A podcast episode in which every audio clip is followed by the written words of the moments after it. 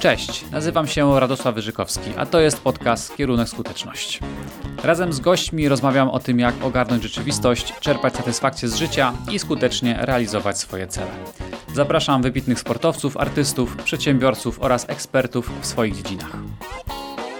W dwunastym odcinku gościem jest Malwina Smażek-Godek. Malwina jest siatkarką reprezentacji Polski oraz włoskiego klubu Igor Gorgonzola Nowara. Dwukrotna mistrzyni Polski, zdobywczyni Pucharu Polski oraz brązowego medalu Ligi Europejskiej. W meczu Ligi Narodów z Bułgarią zdobyła 42 punkty, bijąc reprezentacyjny rekord należący do Małgorzaty Glinki i Katarzyny Skowrońskiej. Gościem specjalnym jest Jakub Dolata, menedżer sportowy w siatkówce, reprezentujący najlepsze siatkarki w Polsce.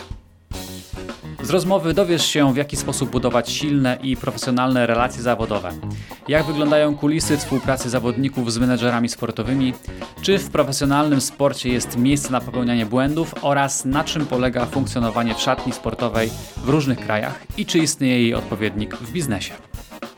Cokolwiek właśnie robisz, gotujesz, sprzątasz, podróżujesz czy leżysz na kanapie, życzę Ci miłego słuchania i dużej dawki inspiracji do skutecznego działania. Wydaje się, że w końcu doczekaliśmy się czasów, mam nadzieję, że tak będzie w sporcie też, yy, albo już jest, że popełnianie błędów stanie się czymś naturalnym, co pozwala nam robić postępy, jest niezbędne do tego, żebyśmy się stawali lepsi. I uważam osobiście, że im wcześniej takie błędy yy, dostaniemy, pozwolenie na robienie błędów, tym lepiej, ponieważ popełnienie błędu, będąc młodą siatkarką, sportowcem młodym czy zawodnikiem, dużo mniej nas kosztuje, bo co innego jest popełnić ten błąd na, na treningu, jak ma się 14 lat, lub nawet na półfinale Mistrzostw Polski, kiedy ma się 16 lat, to co innego zrobić ten sam błąd y, w wieku 23 czy 27 lat w finale Mistrzostw Europy. On kosztuje dużo więcej. Natomiast kiedyś trzeba go popełnić. I chciałem zapytać Ciebie też, Malwina, y, czy Ty miałaś możliwość w swoich y, młodzieńczych czasach kiedy zaczynałaś i grałaś na juniorskim poziomie, do bezpiecznego popełniania błędów i bezpiecznego przegrywania, takiego nieobarczonego presją i pretensjami i innymi negatywnymi rzeczami? Ciężkie pytanie. Mm, jeżeli chodzi o kadrę seniorską, kiedy byłam jeszcze juniorką e, i w niej grałam, to yy, myślę, że miałam bardzo duże, duże pole do popełniania błędów. Bardzo duże. Myślę, że to jest naturalne i zrozumiałe, bo jednak yy, byłam juniorką, byłam tam najmłodsza, dopiero zaczynałam swoją przygodę w kadrze, więc jakby to pole błędów miałam naprawdę duże i to nie tylko sportowe. Jeżeli chodzi o juniorki, takie typu Młoda Liga, która wtedy była, nie wiem czy teraz dalej jest, chyba nie e, no to tam trochę było gorzej, bo jednak e, z tym popełnianiem błędów e, grałam jednak ze dziewczynami w swoim wieku. Wymagano ode mnie wtedy dużo, tak mi się przynajmniej wydaje, z perspektywy czasu. Wtedy, wtedy patrzyłam na to, że to jednak nie jest, nie jest dużo i zawsze chciałam sprostać tym oczekiwaniom i sama sobie jeszcze je jakby narzucałam. E, I zawsze byłam jakby w takiej roli, ja długo nie grałam grup młodzieżowych, bo mój klub własny nie miał wtedy jakby e, takiej młodzieżówki, w której mogłabym pograć, więc jak przyszłam grać e, w Legionowie i wcześniej jeszcze w, Mos, w to już byłam taką osobą, która, od której się wiele oczekuje, szczególnie jeżeli chodzi o młodzieżówkę. Grałam wtedy już na takim tym dobrym poziomie kadrowym juniorskim, więc wszyscy zakładali, że skoro ok, skoro gram już w reprezentacji młodzieżowej i, e, i później w klubie tym seniorskim w Legionowie, no to na pewno nie sprawi mi to problemu e, wygranie meczu w juniorkach, co wcale nie jest, nie jest takie oczywiste i, e, i to na pewno było, było ciężkie, bo oczekiwania zawsze były duże. I to teraz też się nie zmieniło. Myślę, że trochę jakby jest zupełnie inny mm, poziom tego grania, bo to już mówimy teraz o poziomie międzynarodowym, ale myślę, że presja jest taka sama, bo jednak dla dziewczyn, które mają 15, 14 czy 16 lat, granie w, w młodzieżówce jest dla nich w takiej samej skali tej ważności, jak dla mnie na przykład w tym momencie granie y, w, nie wiem, w finale przez Europy, tak, co życzę naszej kadrze, żeby tak było. Więc po prostu to jest kwestia tego, że my dojrzewamy jako siatkarki, ale presja wydaje mi się, że w naszych głowach jest, jest podobna. Czy, czy my mamy te 15 lat i gramy o, o Mistrzostwo Polski, czy gramy o Mistrzostwo Europy, jak mamy te 20 parę. Mm, dokładnie, właśnie o to chciałem dopytać, bo powiedziałeś o tej presji zewnętrznej, a na koniec o tym, co też się dzieje we własnej głowie.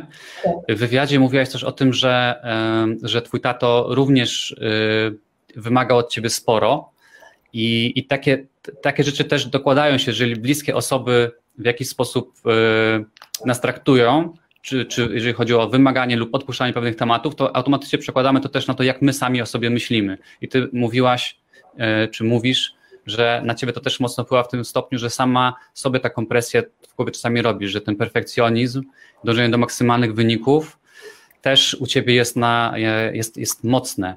I od zawsze tak było i jak sobie z tym radzisz y, dzisiaj? Czy masz jakieś techniki, narzędzia, które ci pomagają teraz inaczej do tego podchodzić? Jeżeli chodzi o mojego tatę, to na pewno e, z biegiem czasu jestem mu bardzo wdzięczna. Może trochę jestem momentami za bardzo wymagającą osobą od siebie i mam, mam tego świadomość w tym momencie. E, aczkolwiek on popchnął mnie do czegoś takiego właśnie takiego chęci bycia najlepszą. I nie w tym złym słowa znaczeniu, że bycia gwiazdą e, zachowania, tak? Tylko typowo sportowo. I ja zawsze mam takie coś w głowie, nawet e, taki mój prywatny trener, e, taki motywator, który zawsze gdzieś tam czasami się katuje, w cudzysłowie oczywiście tym, że nawet jeżeli jest kwarantanna w tym momencie i nie trenujemy, to ja na przykład się bardzo źle z tym czuję, zawsze mi właśnie Kuba powtarzał, że to jest teraz dobry czas, żebyś odpoczęła, weź nie trenuj miesiąc, nic nie rób. A ja zawsze mówię, co ty do mnie mówisz, jaki miesiąc? Ja nie, nie, nie mam czegoś takiego, jeszcze się tego nie nauczyłam. Myślę, że się chyba tego nie nauczę przez parę lat następnych. Więc tak po prostu mam. Myślę, że to mój tata właśnie zawsze to, żebym, e, żebym zawsze chciała więcej i zawsze chciała lepiej. Jestem za to wdzięczna, bo nie muszę szukać tej motywacji gdzieś e, obok, po prostu mam ją zawsze w sobie. To jest na pewno fajne. Jakie było, się zapomniałam, jakie była druga yy, Tak, czy po Twoich też przejściach trudnych, o których mówiłaś w wywiadzie, yy, które wiązały się z psychosomatyką, czyli stres przekładał się na Twoje ciało, z głowy do ciała szło, czy dostałaś albo wypracowałaś sobie jakieś techniki, narzędzia radzenia sobie z tym? Takie małe, na co dzień, które mogły też by się przydać yy, dziewczynom czy chłopakom, którzy teraz Cię słuchają. Znaczy, ja chyba próbowałam y, wszystkiego i tak, jeżeli mówimy o takich metodach uspokajania się, mhm. działało to na mnie zupełnie odwrotnie. W momentach, kiedy właśnie miałam y, ten, teraz mija dokładnie rok, od kiedy mi się to wszystko zaczęło, więc tak naprawdę przez ten cały rok cały czas tam coś odczuwam. Teraz czuję się zdecydowanie dużo, dużo lepiej, ale to nie jest jeszcze takie samopoczucie perfekcyjne, jak było przed tym wszystkim. Więc próbowałam różnych metod właśnie relaksacji i tak dalej i to totalnie mi nie wychodziło, bo ja jak czułam te wszystkie objawy psychosomatyczne, to nie, potrafi, nie potrafiłam usiąść i spokojnie się, uspoko spokojnie się uspokoić, wiecie o co chodzi. Mhm. E, I z biegiem czasu, jak właśnie była ta kwarantanna i miałam ten okres, kiedy właśnie dla mnie był bardzo trudny, bo ja siedziałam w zamknięciu jak wszyscy, więc gdzieś zawsze przed tym wszystkim ratowała mi siatkówka i to, że muszę coś zrobić, muszę pójść na trening, muszę e, zagrać mecz, zawsze miałam jakiś plan dnia, więc ten dzień mi gdzieś tam uciekał i było mi łatwiej, a w momencie, kiedy była kwarantanna i zostałam jakby e, bez tych wszystkich zajęć dookoła i bez ludzi dookoła, no to zaczęłam gdzieś szukać e, trochę rzeczy z jogi i ta yoga mi bardzo pomogła. Może nie w kwestii takiej już, pomijając kwestię taką typowo fizyczną, ale kwestię taką właśnie w głowie, że gdzieś ten organizm trochę się uspokoił e, i jest dużo, dużo lepiej na pewno. E, też dużo mi pomogło to, że zaczęło się do mnie odzywać bardzo wiele osób, które mają te same problemy, sportowców. I, I myślę, że też jakby pokazanie to, że nie jestem, nie jestem sama z tym wszystkim i wiele osób ma po, podobne problemy to jakby pokazało mi, że okej, okay, nie jestem sama, jednak to jest, nie jest takie niesamowite, że takie rzeczy mi się dzieją. A naprawdę w tamtym momencie, kiedy to wszystko się zaczęło, to ja myślałam, że jestem jakimś jednym przypadkiem na milion i w ogóle to jest to nie ma wyjaśnienia po prostu tej całej, tej całej mojej przypadłości. E, mhm, dokładnie tak. Więc chyba trochę poszłam dookoła pytania, ale. No. Jest bardzo dobrze. Pozwolisz, że teraz zapytam pana menedżera coś, żeby nie czuł się samotny. E, Kuba, jak z twojej, jak z twojej perspektywy to wy, e, wygląda? No? Tak, Marina poruszyła strasznie dużo ważnych rzeczy tutaj moim zdaniem, bo ja sobie ponotowałem, ponotowałem dwie kartki. Pierwsza kwestia to była kwestia błędów. E, tutaj się zgodzę z Tobą, że młodzież powinno się dać młodzieży popełniać błędy, ale, ale są też takie rzeczy, na które, których nie można pozwolić, bo jeżeli e, człowiek w młodym wieku popełni błąd związany ze zdrowiem, to potem to już się będzie za nim, za nim ciągnęło cały czas, więc okej, okay, młodzi ludzie nie, moim zdaniem nie powinni być e, trzymani pod koszem. Ja mam, pracuję z wieloma młodymi zawodniczkami i widzę, jak rodzice o nie dbają Przypominam sobie, jak ja chodziłem e, do szkoły podstawowej jeszcze 3 kilometry, przesadziłem trochę mniej, ale z kluczem na szyi i, i, wracałem. Jakby sobie z tym poradziłem. Teraz mam wrażenie, że jakbyśmy to samo zrobili z dziećmi, to, to one by zginęłyby, jak ktoś ukradł, pobił e, i jeszcze coś zrobił więc gorszego. W każdym razie także uważam, że powinno się dać popełniać błędy i, i te błędy muszą, powie, muszą skutkować pewną um, odpowiedzialnością, bo, bo młodzież mam wrażenie jest nauczona, że teraz, że, że są porażki, bardziej znoszą, znoszą porażki związane już nie tylko ze sprawami sportowymi, ale ogólne porażki i przede wszystkim nie wiedzą, że każde działanie ma, e, każde działanie ma swoją konsekwencję, tak? I jesteśmy odpowiedzialni za to, za to działanie. I w tej kwestii uważam, że powinniśmy porozmawiać, pozwalać robić błędy, także na przykład z wyborem klubu. Ja uważam, że jeżeli zawodniczka na początku swojej kariery też popełni błąd z wyborem klubu i nauczy się na swoich błędach, to potem to są rzeczy, które ją zbudują też jako człowieka, tak? Czyli przede wszystkim musimy, e, muszą nauczyć sobie poraż, z porażkami dać, dać radę, muszą wiedzieć, że ist, porażki istnieją. Dalej, e, tutaj pojawiła się taka, taki komentarz e, pani Tamary dotyczący tego, że trzeba się nauczyć odpoczywać. To jest strasznie ważne, bo mam kilka takich zawodniczek. Marwina też wielokrotnie o tym rozmawialiśmy. Był taki czas, że Marwina wygrała, grała, grała i zdarzały się, jak była w Polsce, weekendy, kiedy grała po trzy mecze no to jest jakiś błęd na koło. Jeżeli wpadniemy w taki wir, e, to za chwilę może się to skończyć właśnie jakimiś problemami zdrowotnymi, e, kontuzjami i faktycznie nauczyć się odpoczywać to nie jest proste, bo ja sam próbowałem, kiedyś byłem w takim wirze pracy, że chciałem pracować, pracować, pracować i nie potrafiłem. Kiedyś byłeś? Tak, tak. Kiedyś, kiedyś, okej, okay, rozumiem. Tak, tak, tak. Nauczyłem sobie z tym radzić, nauczyłem sobie wy, wyciszać telefon i nie odbierać telefonów po 20 na przykład.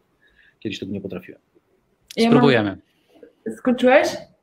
I jeszcze tylko jedna rzecz e, odnośnie, odnośnie odpoczynku, e, to co Mali powiedziała, to są takie kwestie, tak, tak jak Mali, są zawodniczki, które trenowały, trenowały, trenowały. Ja pamiętam, e, powtarzam jak mantrę, słowa Jacka Joroszewskiego, trenera reprezentacji Polski w piłkę, który jest chirurgiem, ortopedą, który mówi, że zawodowy sportowiec w sezonie powinien mieć minimum dwie dwutygodniowe przerwy od sportu i to powinno wystarczyć. E, a poza tym może trenować, ale dwie takie pełne powinny być przerwy. To na razie o tyle. Dobra, bo ja mam ważną rzecz a propos um, tego, co mówiliśmy z tymi błędami różnymi. Teraz Kuba powiedział w młodym wieku. Um, myślę, że jest bardzo ważna sprawa jeszcze, którą trzeba poruszyć um, jedzenia. To mhm. jest, y, i to nie mówię o jedzeniu takim, że jak jeść, żeby dobrze grać, czy jak jeść to jest inna, odrębna sprawa. Mówię o takim jedzeniu, że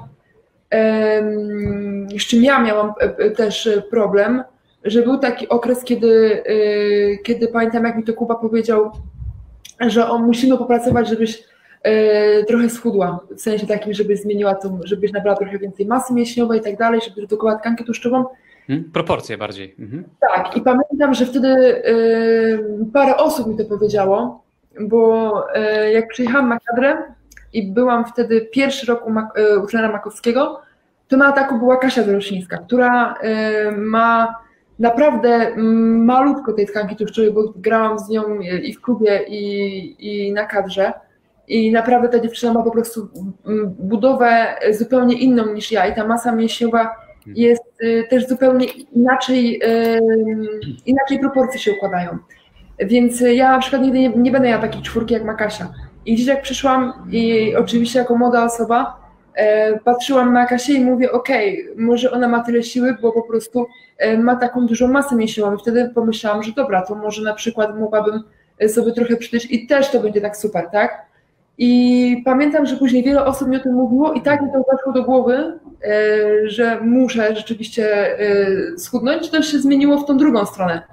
I tak naprawdę e, moment, w którym ja dopiero gdzieś tam zapałam w swojej głowie, jak to wszystko ma funkcjonować i jak, jak to ma wyglądać, jedzenie i jak to jedzenie ma pomagać, a nie przeszkadzać i jak ta sylwetka powinna wyglądać u mnie, bo każdy ma inną sylwetkę i można się kimś inspirować, czy brać z kogoś przykład, ale na pewno nie można porównywać sylwetek, bo to są dwie różne rzeczy. E, I trochę, trochę się w tym pogubiłam wszystkim e, bardzo e, w pewnym okresie czasu. Zresztą można zobaczyć po zdjęciach. I teraz dopiero myślę, że teraz od dwóch lat mniej więcej mam taki moment, że e, zaczęłam ogarniać te sprawy i zaczęłam e, więcej się tym interesować, trochę też swoją głowę przestawiłam i, to jest bardzo ważne, e, bo to dla mnie, żeby te młode dziewczyny miały jakby mm, miały gdzieś kogoś, kto im to wszystko wytłumaczy w fajny sposób.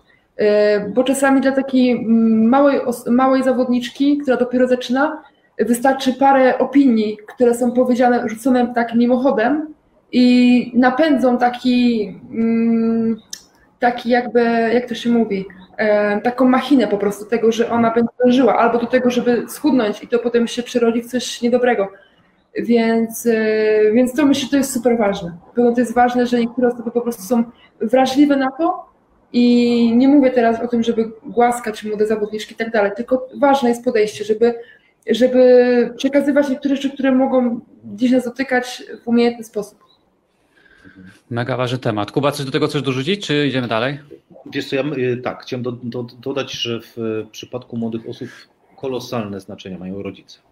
Mm, to, co Mali, co Mali mówiła odnośnie taty, że tata ją pchał do tego, żeby być najlepszą, umówmy się Mali, że mm, takich zawodniczek jak ty jest niewiele z takimi umiejętnościami i to trochę jak rozmawiałem ostatnio z Asią Bołusz i, i, rozmawialiśmy, y, Asia mówiła mi, że przekazywała y, doświadczenia swoim młodym dziewczynom. Mówię, Asia, okej, okay, super, fajnie, tylko pamiętaj, że takich fenomenów jak ty jest bardzo mało. Troszkę głośniej. Y, a, że takich fenomen, fenomenów jak ty jest Dobrze. bardzo mało i nie wszyscy są w stanie pójść twoją drogą żeby to też nie doprowadziło do tego, że zawodniczki będą próbowały robić to samo hmm. i potem okaże się, że to nie działa i będą jakieś dramaty. Dlaczego, dlaczego to nie działa? Dlatego rodzice są ważni, jakby trochę na zasadzie, moim zdaniem, powinni działać w zasadzie kontroli, ale jednak popuszczenia tego tym, tym dziewczynom, żeby te dziewczyny żyły same, żeby próbowały popełniać e, błędy, żeby brały na siebie odpowiedzialność, e, żeby coś robiły z sobą, żeby nie czekały tylko, że ktoś ogarnie coś za nie, coś za nie tak? bo wszystko można sobie wyobrazić, wszystko można zorganizować, ale potem jak się wydarzy jakaś katastrofa, to, to jest dramat i, i, i potem zaczyna się życie od początku. No to, no to jak to Kuba zrobić w organizacji, kiedy ma się prawie 70 kobiet i każda jest trochę inna, każda ma trochę inne potrzeby, jest na innym poziomie e, rozwoju, innym poziomie siatkarskim i, i kiedy nagle pojawia się 36 próśb w jednym dniu różnych, bo akurat taki dzień się pojawił, to jak to wszystko ogarnąć? W takim sensie, na ile menedżer sportowy jest odpowiedzialny albo powinien czuć powinność e, wyciągania z pewnych opresji małych lub dużych, mniej lub bardziej poważnych swoje zawodniczki, a na ile powinien je usamodzielniać i e, dawać wędkę, a nie rybę? Więc tak, przede wszystkim taka sytuacja na razie się nie, nie wydarzyła, że było ich 36, faktycznie dzieje się ich czasami kilka e, dziennie. E, na różnych polach. E, myślę, że menadżer sportowy powinien być otoczony grupą ludzi, która, profesjonalistów, którzy są w stanie w tym pomóc. I e, być w stanie porozmawiać z zawodniczką, spróbować zidentyfikować, co jest jej potrzebne i przekazać ją do odpowiedniej osoby, bo ja nie jestem doktorem psychologii, ja nie jestem ortopedą, nie jestem lekarzem i tych rzeczy nie mogę wziąć, nie mogę wziąć na siebie. Dlatego e, to jest jakby z każdym zawodnikiem trzeba pracować idealnie i wskazywać, co mogło być zrobione. To tak jak rozmawialiśmy z Mali odnośnie tej, e, e, tej wagi i tej, tej sylwetki, że oczywiście można to przekazać, można to pokazać w jakiś sposób delikatny, w którą stronę iść. No i to może być różnie odebrane, tak? Może być odebrane jako wskazówka, ok, skoro on mi to mówi, to faktycznie ma doświadczenie, może powinnam coś z tym zrobić, a druga pomyśli, o kurde, gość mi mówi, że jestem gruba, tak? E, I mówią to wszyscy dookoła. Więc to faktycznie zależy, jak się do tego podchodzi. I też właśnie e, jak kto do siebie podchodzi, tak? Bo jeżeli masz do siebie dystans, no to e, i akceptujesz sam siebie przede wszystkim, no to nie będzie, to nie będzie takie trudne, żeby docenić to, co ktoś tobie wskazuje. No, w kontaktach z, z każdą zawodniczką musimy kierować się no, trochę przynajmniej zaufaniem. Może to, co gość chce ci przekazać, to nie wynika z tego, że, że on sobie to wymyślił, tylko że takich, e, trochę jak u psychologa, takich przypadków, jak idziesz do psychologa, e, kiedyś Mali rozmawialiśmy i wydaje ci się, że twój e, przypadek jest jednostkowy, okazuje się, że psycholog miał już takich przypadków tysiące i dla niego to jest oczywiste. Tak samo u nas czasami dziewczyna dzwoni do nas z jakimś problemem, rozmawiamy i ona myśli, że to jej przypadek jest jednostkowy, a on się powtarzał, więc mniej więcej wiemy, co działa, co nie działa. I od tego jesteśmy, żeby przede wszystkim uspokoić, no i potem, e, i potem te problemy próbować niwelować, tak? Mm, jak najbardziej. I tutaj wydaje się, i tutaj też Ciebie chcę, Magna, zapytać o to, bo wydaje się, że wszystko rozbija się yy, tak samo u, u facetów i u dziewczyn, u kobiet może troszkę bardziej o zaufanie, czyli kiedy ja jestem w stanie uwierzyć mojemu trenerowi, mojemu menedżerowi, że on chce dla mnie dobrze, mówiąc mi czasami nawet trudne rzeczy, albo czasami odmawiając, albo czasami namawiając na pewne kwestie, a kiedy y, ja uważam, że, że ta osoba nie chce dla mnie najlepiej, bo właśnie tego być może zaufania brakuje. Jest taka fajna metafora, którą lubię, że za każdym razem, kiedy my kogoś o coś e, prosimy e, i ta osoba poświęca nam swój czas, swoją energię, czasami pieniądze, cokolwiek, to tak jakbyśmy dolewali y, gorącej czekolady do kubka, do tej osoby. I teraz za każdym razem, kiedy my o coś poprosimy, o jakiś czas, pieniądze i energię tą drugą osobę, to jakbyśmy wyjadali tą gorącą czekoladę. Wszystko polega na tym, żebyśmy u tej drugiej osoby zawsze mieli trochę tej gorącej czekolady, kiedy będziemy jej potrzebować, czyli tego zaufania. Im więcej wcześniej go zdobędziemy, tym będzie łatwiej później jakoś poprosimy o coś. Słuchaj, uważam, to by było dla ciebie najlepsze. Ufam ci, bo zapracowałeś na to moje zaufanie, albo nie wierzę ci, bo wcześniej nie było sytuacji, w której mogłem to, mogłam u ciebie to zaufanie zdobyć. Jak ty to widzisz, jak wy to widzicie, jeżeli możesz mówić też za, za swoje koleżanki? Nie, nie, będę mówiła zupełnie mhm. za siebie. Myślę, że są jakby trochę takie trzy etapy mm, w tym wszystkim, jeżeli chodzi o doradzanie. Pierwszy etap jest taki, kiedy zaczęłaś tą, tą karierę i yy, menadżer jest tą osobą, która jest jakby naszym takim buforem. I czasami lubimy sobie spychać trochę odpowiedzialność na niego, w takim sensie, że jest się młodą zawodniczką, nie ma się zielonego pojęcia, jakiego klubu trzeba iść, e, jaka decyzja będzie najlepsza, a i tak się nigdy nie przekonamy, bo nie będziemy wiedzieć, co by było, jakbyśmy poszli do tego innego. I czasami lubimy pytać, ok, no co ja mam teraz zrobić, tak, bo e, no bo nie, nie mam żadnego pojęcia, nie, nie znam tego świata za bardzo seniorskiego, więc podejmują decyzję i pytamy się wtedy menadżera i bardzo liczymy się z jego zdaniem wtedy. Druga, mi się wydaje, taki etap to jest taki, że y, trochę już wiemy, trochę poznaliśmy ten świat, wiemy mniej więcej, czego chcemy, jaką ścieżką chcemy iść kariery, gdzie chcemy grać. E, I wtedy gdzieś tam szukamy czasami jakiejś porady, e, zawsze. Y, a ten trzeci etap, myślę, że tutaj z dobrym przykładem to, jak w tym roku, gdzie był ten wirus i miałam gdzieś e, różne opcje, żeby gdzieś pójść. I, I Marko i Kuba mi doradzali, że słuchaj, wiesz, może weźmiemy to, bo nie wiemy, co się wydarzy, tak? Tutaj na przykład jest dobra oferta, że dużo dziewczyn na przykład by taką ofertę w tym momencie chciało mieć w tej sytuacji, która jest. I pamiętam, że w tym momencie ja wiedziałam, czego ja dokładnie chcę i mówiłam, nie, ja chcę grać tutaj i tutaj, trudno, czekamy, tak? I, powiedzieli mi, że no dobra, możemy czekać, ale nie wiadomo, co się wydarzy. Może być tak, że y, możemy czekać i nic się nie pojawi z tego, co ty byś chciała i możemy zakończyć po prostu y, bez, bez tych wszystkich ofert, które były wcześniej fajne e, i też bez tej oferty, którą ty, której ty oczekiwałaś. I, I koniec końców wszystko się skończyło dobrze, ale gdzieś wydaje mi się, że już byłam w tym momencie, kiedy wiedziałam, że okej, okay, biorę ryzyko na siebie. Tak naprawdę zawsze bierzemy ryzyko na siebie, ale czasami nam po prostu jest łatwiej, kiedy ktoś nam powie, e, właśnie na przykład nasz menadżer w tym młodszym wieku i nam powie, okej, okay, słuchaj, ta decyzja będzie lepsza i czujemy się trochę tacy zwolnieni z tego, z tej odpowiedzialności takiej stuprocentowej, co wcale nie jest prawdą. No ale myślę, że w tym roku byłam już po prostu to gotowa, że wiedziałam, czego chcę i co nie znaczy, że, że jestem jakąś super dojrzałą siatkarką i, i, e, doskonale wiem e, wszystko o wszystkim, na pewno nie. Ale wydaje mi się, że tak, na takie trzy etapy można to, można to podzielić.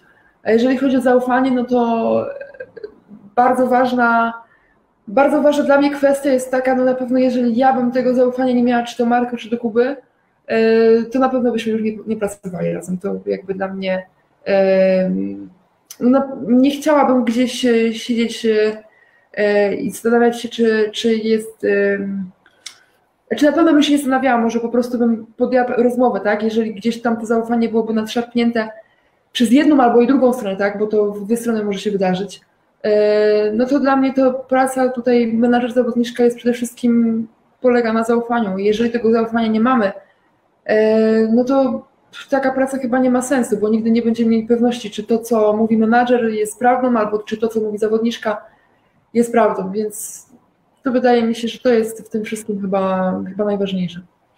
Czy raz stracone zaufanie można odzyskać? Pytam o świat y, kobiecy. Pytam o świat y, w relacji menedżerskiej, trenerskiej i nawet koleżeńskiej, zawodniczka, zawodniczka. Czy to jest możliwe u Was? O, myślę, że tak. E, myślę, że jest to możliwe, w zależności od, na pewno od tego, z jakimi osobami mamy do czynienia, bo nie ma schematu, tak, że w tym mhm. przypadku jest to możliwe, w tym przypadku nie. Dużo zależy od osób, jakie mają charaktery. E, ja myślę, że ja wielu, wiele razy w swoim życiu dostałam y, drugą szansę od kogoś, co jestem bardzo, bardzo wdzięczna. Popełniłam, y, myślę, że każdy wiele, wiele błędów. I ja te drugie szanse dostawałam, więc jest, jest to możliwe i, e, i to zaufanie można odzyskać, ale e, no na pewno nie w każdym przypadku, tak? Mhm. Na pewno e, relacje tutaj międzyludzkie, a relacje menadżer, zawodniczka to są dwie inne rzeczy. Ja myślę też, że nie wiem, czasami mogę być wkurzona na, na Kubę albo na Marko jako na menadżera, ale jako osoby ich uwielbiam, tak? Czasami też tak się zdarza. Myślę, że to trzeba rozgraniczać pracę a relacje nasze. Mhm. Jakubie? Kuba wziął głęboki oddech, więc... Więc jest tak, jest tu parę, parę kwestii. Parę kwestii związanych przede wszystkim z... Zbiera na kubkę i potem wiesz. Tak. Mali powiedziała, znowu zaczęliśmy mówić o odpowiedzialności nie? tych młodych mm. młodzieży i wszystkich innych. No, stajesz się odpowiedzialny, jak jesteś dojrzały e, i bardziej doświadczony, no to, to wiesz, na co sobie może, możesz pozwolić. I tak w przypadku Mali mieliśmy w tym roku, że faktycznie Mali już dużo, dużo lepiej wiedziała, gdzie chce iść, choć przypominam, że byliśmy w parę, na innym kontynencie już prawie. Tak. E, bo byliśmy już prawie w Brazylii jedną nogą, albo nawet już prawie dwoma nogami, ale koronawirus faktycznie w tym roku nam mocno wszystko pokomplikował. E, I to też jest kwestia mm, zrozumienia że, e, i zaufania, no zaufania przede wszystkim. No musisz wierzyć, że gość, który pracuje dla ciebie, chce dla ciebie dobrze, a przy okazji chce dla siebie dobrze, no bo my pracujemy na to, żeby te zawodniczki były coraz lepsze, żeby coraz lepiej zarabiały, bo jak one będą coraz lepsze, coraz lepiej zarabiały, najbardziej się pokazywały także w kadrze, to one będą lepiej zarabiały, a przy okazji my będziemy lepiej zarabiać. No to jest dość prosta logika, dlatego zależy nam, żeby każda dziewczyna szła do góry. Nie zawsze to się da. Oczywiście są takie, takie momenty, że trzeba się na moment zatrzymać, a, a czasami nawet cofnąć o krok żeby, żeby zacząć e, od nowa, no bo każdy popełnia błędy, tak samo my popełniamy błędy, zawodniczki popełniają błędy. Ja przypominam, że my nie zostawiamy zawodniczek po, po złym rozegranym meczu, nie przychodzimy, mówimy, słuchaj, dzisiaj źle grałaś, to już nie pracujesz z naszą agencją, bo to, nie na tym polega, tak? E, no, u nas też jest, e, też tak się to zdarza, nie ma ludzi idealnych, ale, mm, no, ale zaufanie i lojalność to są bardzo ważne rzeczy. Bardzo ważne rzeczy. E, to zaufanie buduje się rozmową albo też pod, zaufanie, które jest, zostaje podważone też, też bo w tym świecie, żyjemy w takim świecie, gdzie każdy jest specjalistą od wszystkiego. Jest tysiące ludzi doradzających, wszyscy uważają, że wiedzą lepiej, E, I potem, jak jest młoda osoba, to ja im się nie dziwię, że, że ta młoda osoba bardzo e, ma zamieszane w głowie i nie wie, co ma zrobić. I, no i poza tym, im jesteś lepsza, tym pojawia się dookoła, e, to Mali wie dokładnie, tysiąc osób, które chcą na tym skorzystać i które chcą udowodnić ci, że ta, ta osoba nie jest dobra, także agentów, że ja będę lepszy albo, albo zrób to tak. To jest naturalne, są prawa rynku, ale no musimy mieć, zaufać, być lojalni i, i mieć zaufanie po prostu. To może ja Malwinę zapytam, bo mm, my jesteśmy jako agenci, mm, jesteśmy odpowiedzialni za zdobycie jak największej opcji możliwości dla zawodnika. Akurat przypadek Malwiny jest bardzo specyficzny, bo im bardziej będzie się rozwijała, tym tych propozycji będzie mniej, wbrew pozorom ponieważ no, będą kluby, do których będzie coraz mniej klubów, do których będzie pasowała mhm. E, i będzie coraz mniej klubów, które będzie na nią stać. I teraz moje pytanie, jeżeli my jesteśmy odpowiedzialni za opcje, jak przebiega proces wybierania tych opcji w głowie zawodnika?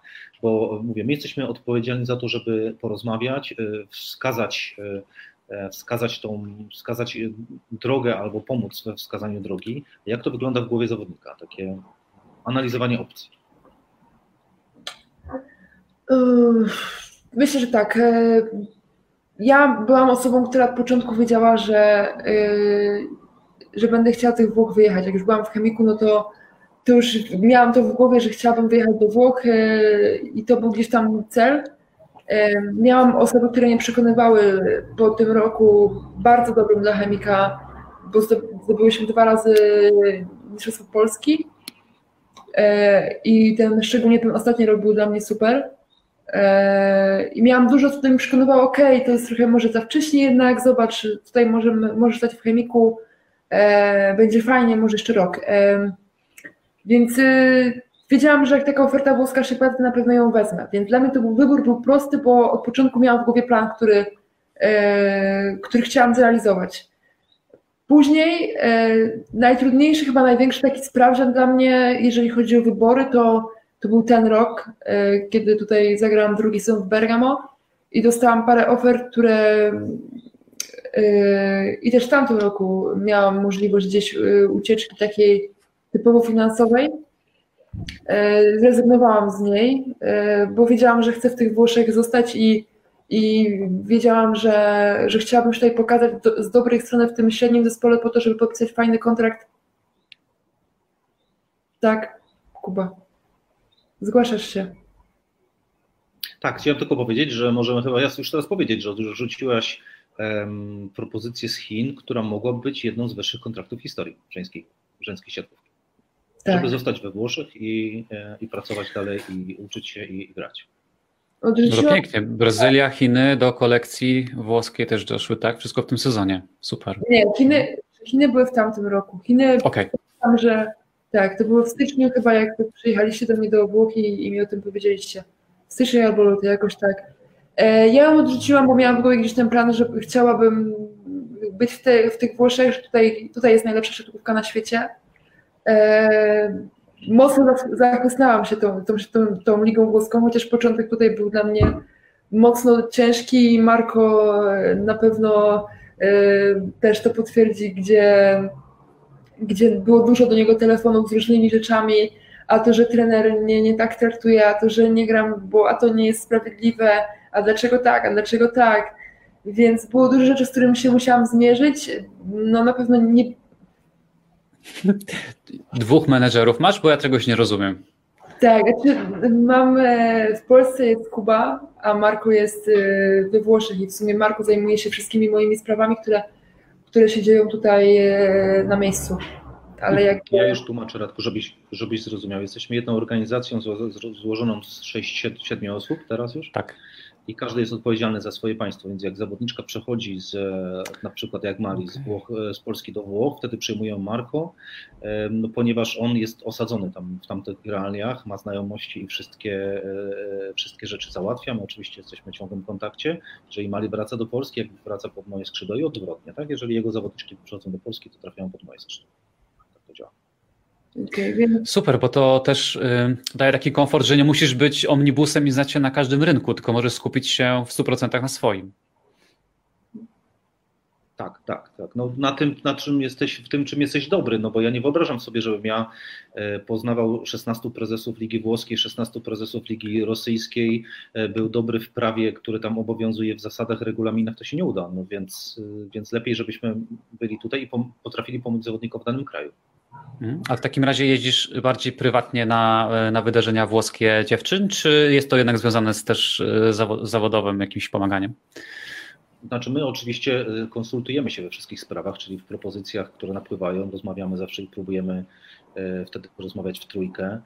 Mm, więc jeżdżę i towarzysko, bo to też nam się zdarza, e, i jeżdżę oglądać mecze i jeżdżę rozmawiać z tymi prezesami, także oni też wszyscy mnie znają, przynajmniej tam, gdzie są zawodniczki i mamy ciągły kontakt, e, ale jakby de facto nie wchodzę głębiej w kwestie kontraktowe, kwestie, hmm, czytam to oczywiście, ale jednak do, do kwestii negocjacji, takich szczegółów tam już jest e, i w razie realizacji czy niwelowanie jakichś problemów jest odpowiedzialny Marko. Marko i Riki, bo tam jest, jeszcze są dwie osoby. Mhm. Wchodzimy w taki niezdrowy nawyk przerywania Malwinie, więc możesz się już nas nie słuchać, nie patrz na nasze ręce, po prostu opowiadaj.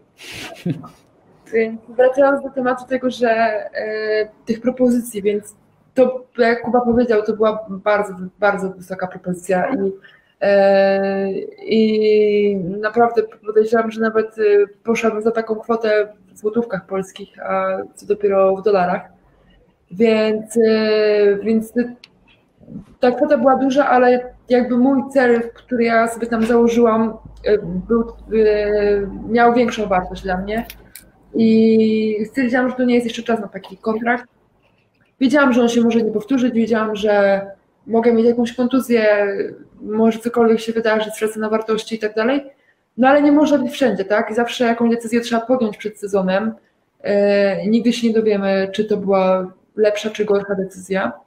Ja jestem z niej bardzo zadowolona, bo kolejny rok zagrałam w Bergamo i, e, i dostałam taką propozycję, jaką dostałam z Nowary, z czego myślę, że to wymarzona dla mnie oferta i na pewno e, przed przyjazdem do Włoch bardzo gdzieś tam chciałam grać w tym klubie E, ale nie spodziewałam się do końca, że tą ofertę dostanę, bo, e, bo jednak taka pozycja atakująca jest dużo dobrych atakujących i, e, i każdy w tej lidze włoskiej w tym top 4 chce grać, więc konkurencja jest bardzo duża, więc tym bardziej się cieszę, że, że, mm, że mam taką możliwość, ale i to był właśnie chyba największy, takie dwa największe sprawdziany dla mnie, tamten rok, kiedy dostałam tę ofertę z Chin i ten rok, kiedy miałam parę tych ofert takich naprawdę fajnych finansowo, które w tym momencie wydaje mi się podczas tego koronawirusa jest, e, jest super sprawą, tak? Bo mamy problem, wiele zawodniczych na pewno ma problem z tym, żeby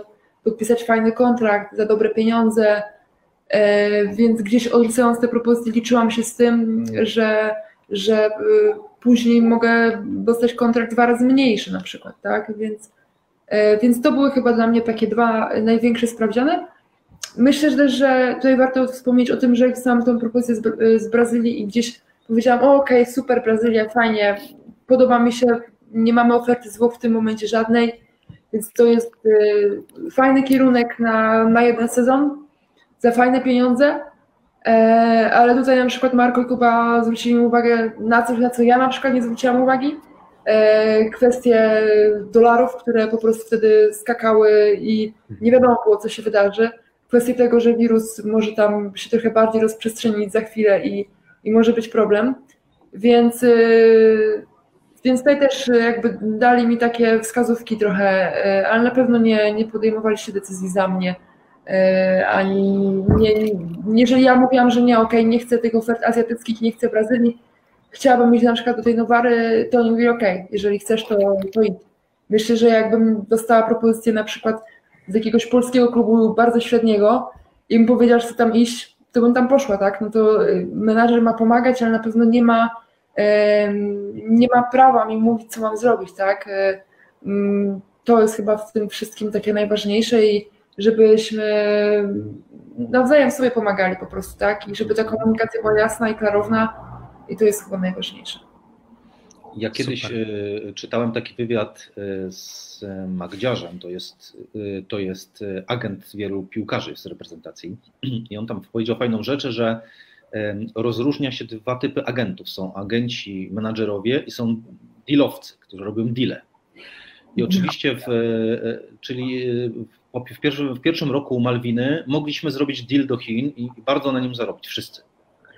Ale My jesteśmy od tego, żeby Malwinie powiedzieć, e, czy każdej innej, zawodnicy, że jest taka możliwość, ona jest od tego, żeby zdecydować. E, tak samo jak faktycznie przyszedł, e, przyszła propozycja z Polskiej Ligi, jeżeli zawodniczka chce to zrobić, nawet jeżeli uważa, uważamy, że to nie jest dobra dla niej decyzja, ale ona chce to zrobić, no to musimy pozwolić jej to zrobić, bo to jest jej życie, jej decyzja. I teraz dlatego tak to wygląda. No są opcje, które e, wybieramy na podstawie celów, jakie chcemy osiągnąć. Strasznie ważną rzeczą jest, by te cele na, na daną moment nie były za wysokie.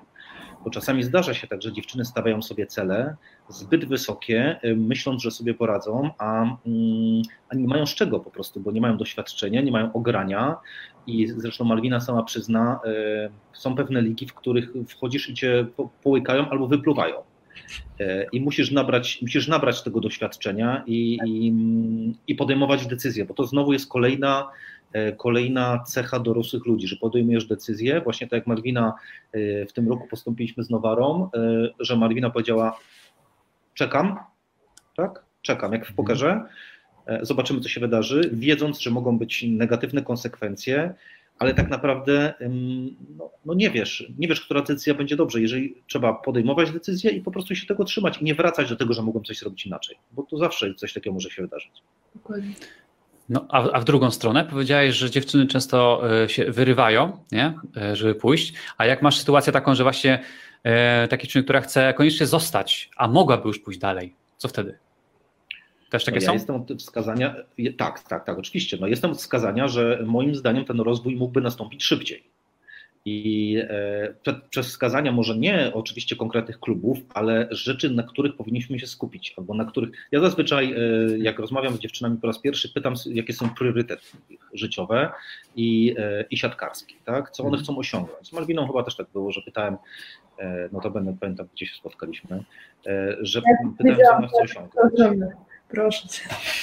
E, w każdym razie no jest to jakiś proces i oczywiście możemy powiedzieć, że to mogłoby następować szybciej i próbować zwizualizować tą drogę, ale znowu decyzja należy do zawodnika i konsekwencje są po stronie zawodnika. Tak? No, niestety to nie nasze życie, my możemy tylko doradzać. Mhm. Też y, ważne jest to, że trzeba wspomnieć o tym, że są też zawodniczki, które po prostu przywiązują się do miejsca i nie, niekoniecznie chcą bardzo gdzieś e, zmieniać kluby i się rozwijać z roku na rok e, czy po dwóch latach. Czasami czujemy się super też życiowo, bo to też jest ważna kwestia, żeby czuć się komfortowo, e, jeżeli chodzi o normalne życie. I czasami tak bardzo lubimy jakieś miejsce, ludzi, którzy tam są, po prostu, nawet miasto i czujemy się tam jak w domu. I czasami po prostu nie chcemy tego miejsca zmieniać. I, i wiedząc o tym, że jest, moglibyśmy się rozwinąć, są zawodniczki, które po prostu nie chcą tego też z, z takiego powodu, więc e, ja na przykład też e, jestem super podekscytowana Mowarą, ale też gdzieś trochę obawiam się e, wielu rzeczy, jak tutaj się przeprowadzałam, no to na pewno to jest jakby zmiana, zmiana na domu, tak? Zmiana otoczenia. Myślę, że to jest taka poza sportowa rzecz, ale warto o niej powiedzieć. Mhm. Genialnie, po prostu już y, kipię z radości na kolejne pytanie, ale też chcę dać możliwość, żeby widzowie mieli e, opcję. To jest w temacie, więc e, powstrzymam się i najpierw e, pójdźmy z tym. Pytanie do pana Jakuba. Panie Jakubie, mając zawodnika, zawodniczkę z możliwościami, co mu pan lub pani doradzi, mając do, czy pan doradzi, mając do wyboru, gra w pierwszej lidze, współpraca z trenerem dobrym i pewność wejścia na boisko, czy gra w ekstraklasie, raczej pewna ławka, ale współpraca z wybitnym trenerem? Malwina też możesz potem odpowiedzieć. Może, Tak, właśnie, a może, może daj mi Malwinie najpierw odpowiedzieć, bo jestem ciekawy jak zawodnik do tego podchodzi, a potem ja powiem jak. Pierwsza opcja, bezkonkurencyjnie, pierwsza opcja do pierwszej ligi grać dla mnie to jest chyba no najważniejsze to było dla mnie jak szłam do, do Włoch najważniejsze to było dla mnie jak wybierałam Legionowo po SMS-ie bo Chemik y, to jest historia trochę taka, która się wydarzyła przez różne, różne inne rzeczy, ale której nie żałuję i której tam w tej całej mojej przygodzie dwuletniej sobie walczyłam bardzo dużo grania, myślę, na ten skład, który tam był i te gwiazdy, które tam były. Ale tak wybierałam kluby, żeby pewno nigdy nie możemy, nigdy nie możemy być pewne, że będziemy grały, bo e, nikt nam nie wpisze w kontrakcie pierwszej szóstki. Zawsze z założenia jest pierwsza atakująca tak ale to, co się wydarzy podczas sezonu, to naprawdę sezon jest długi, ale zawsze starałam się wybierać tak, żeby, żeby grać. I, I myślę, że do tej pory na razie mi to się udaje dobrze. Super. Tak, Więc ja no, bym no, znowu, znowu Malwina opcja. jest przykładem takiej zawodniczki jak na przykład Asia, która mm, no, gdzie by nie poszła, tam będzie grała. Prosimy z nazwiskami, bo nie wszyscy muszą wiedzieć o kogo chodzi. Jak Asia Wołosz. Jak Asia Wołosz, no, gdzie- gdzie, gdzie nie pójdzie, tam będzie grać. Tak, podobnie Nie. jak Malwina. To nie jest prawda. Prawda. Nie. I to jest. em, Głosujemy. I to jest Ja też uważam, że nieprawda. 2-1 przegrałeś. E, W każdym razie, e, jeżeli jest szansa na granie, to oczywiście jest to najważniejsze, bo doświadczenia zdobytego na boisku nie da się e, nigdzie więcej złapać. Ale pod warunkiem, że ten trener, który tam jest, jest w stanie ci coś dać od siebie jeszcze. Bo jeżeli ty masz grać z bardzo słabym trenerem, em, cały rok, y, bez opieki medycznej, e, bez fizjoterapeuty, po, tylko po to, żeby grać e, i przegrywać wszystko, to ja nie wiem, czy to jest dobra opcja. W każdym idealnym sposobem byłoby pójście krok po, krok po kroczku, zawsze z graniem. Em, Tyle, że dla wszystkich nie jest to możliwe. Na boisku y, musi być, e, muszą być dwie przyjmujące, jedna atakująca i tak samo dwie, dwie przyjmujące i jedna atakująca musi być na, na ławce. No, tego nie zmienimy i ktoś zawsze na tej ławce będzie. Tak? Więc y, większość zawodników.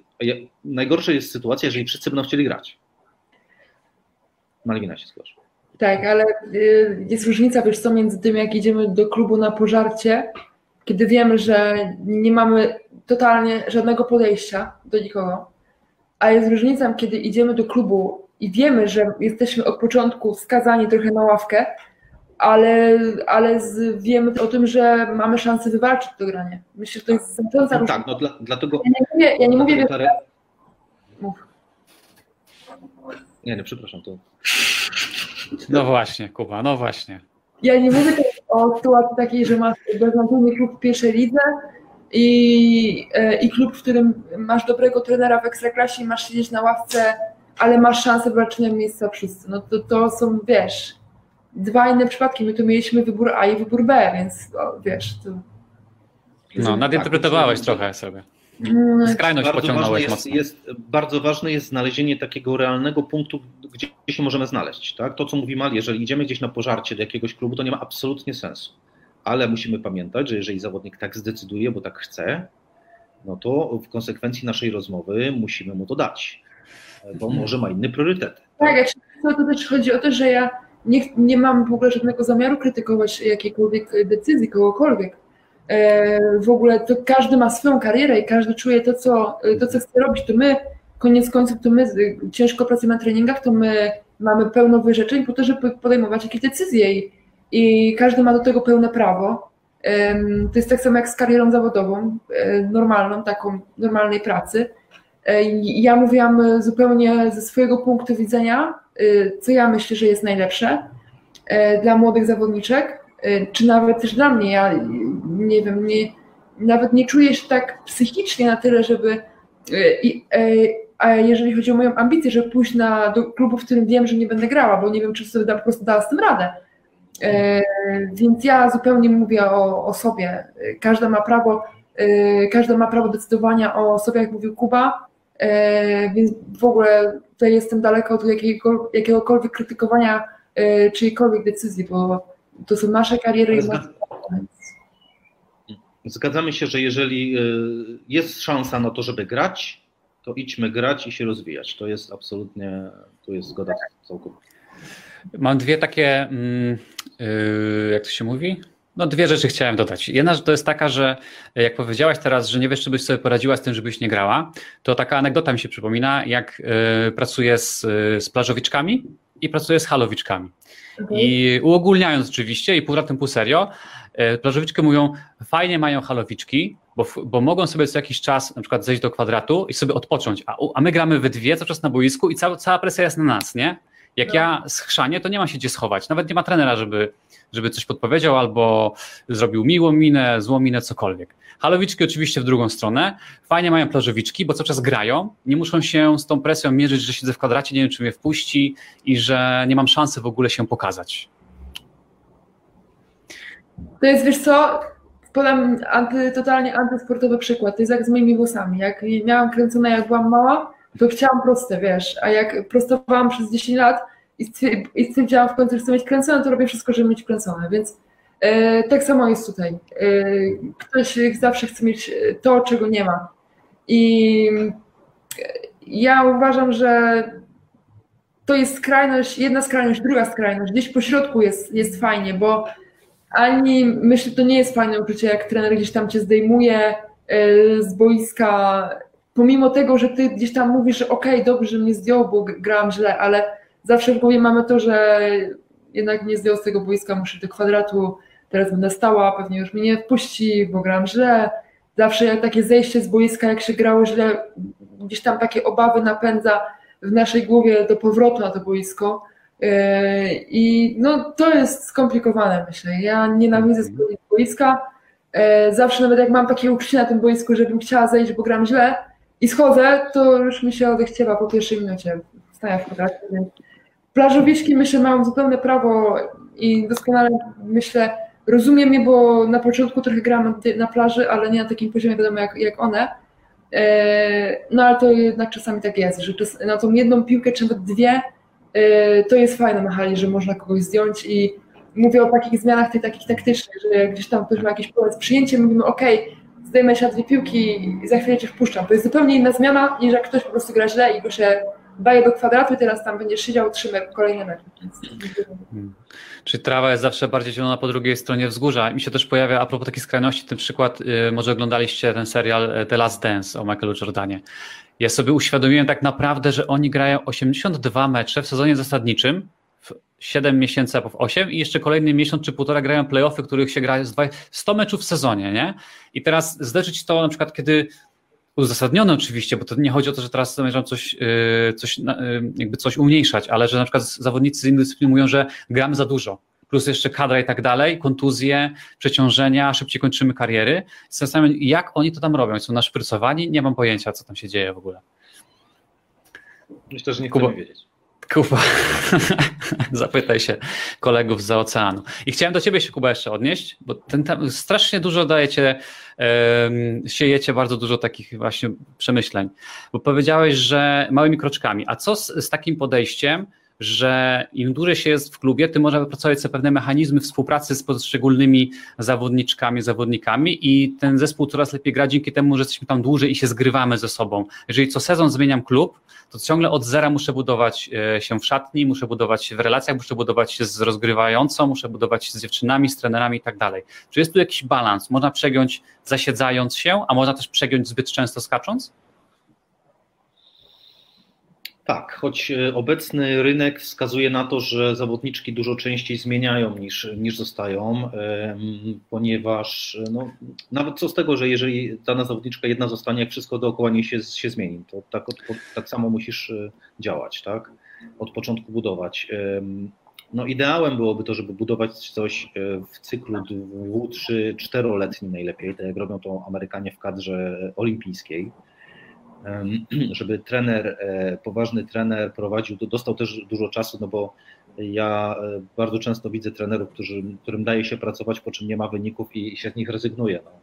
E, gdzieś czytałem takie badania, że, że trener de facto taki stuprocentowy wpływ na zespół i swoją, swoją filozofię jest w stanie przekazać po ponad, ponad roku pracy dopiero, więc no, budowanie byłoby ideałem czegoś takiego na kilka lat, no ale jest rynek, jest rynek, który przychodzi po daną zawodniczkę, jeżeli ona się pokaże e, i czasami tym klubom trudno jest, e, trudno jest rywalizować o takiego zawodnika, no bo tutaj wchodzą już także, także kwestie ekonomiczne.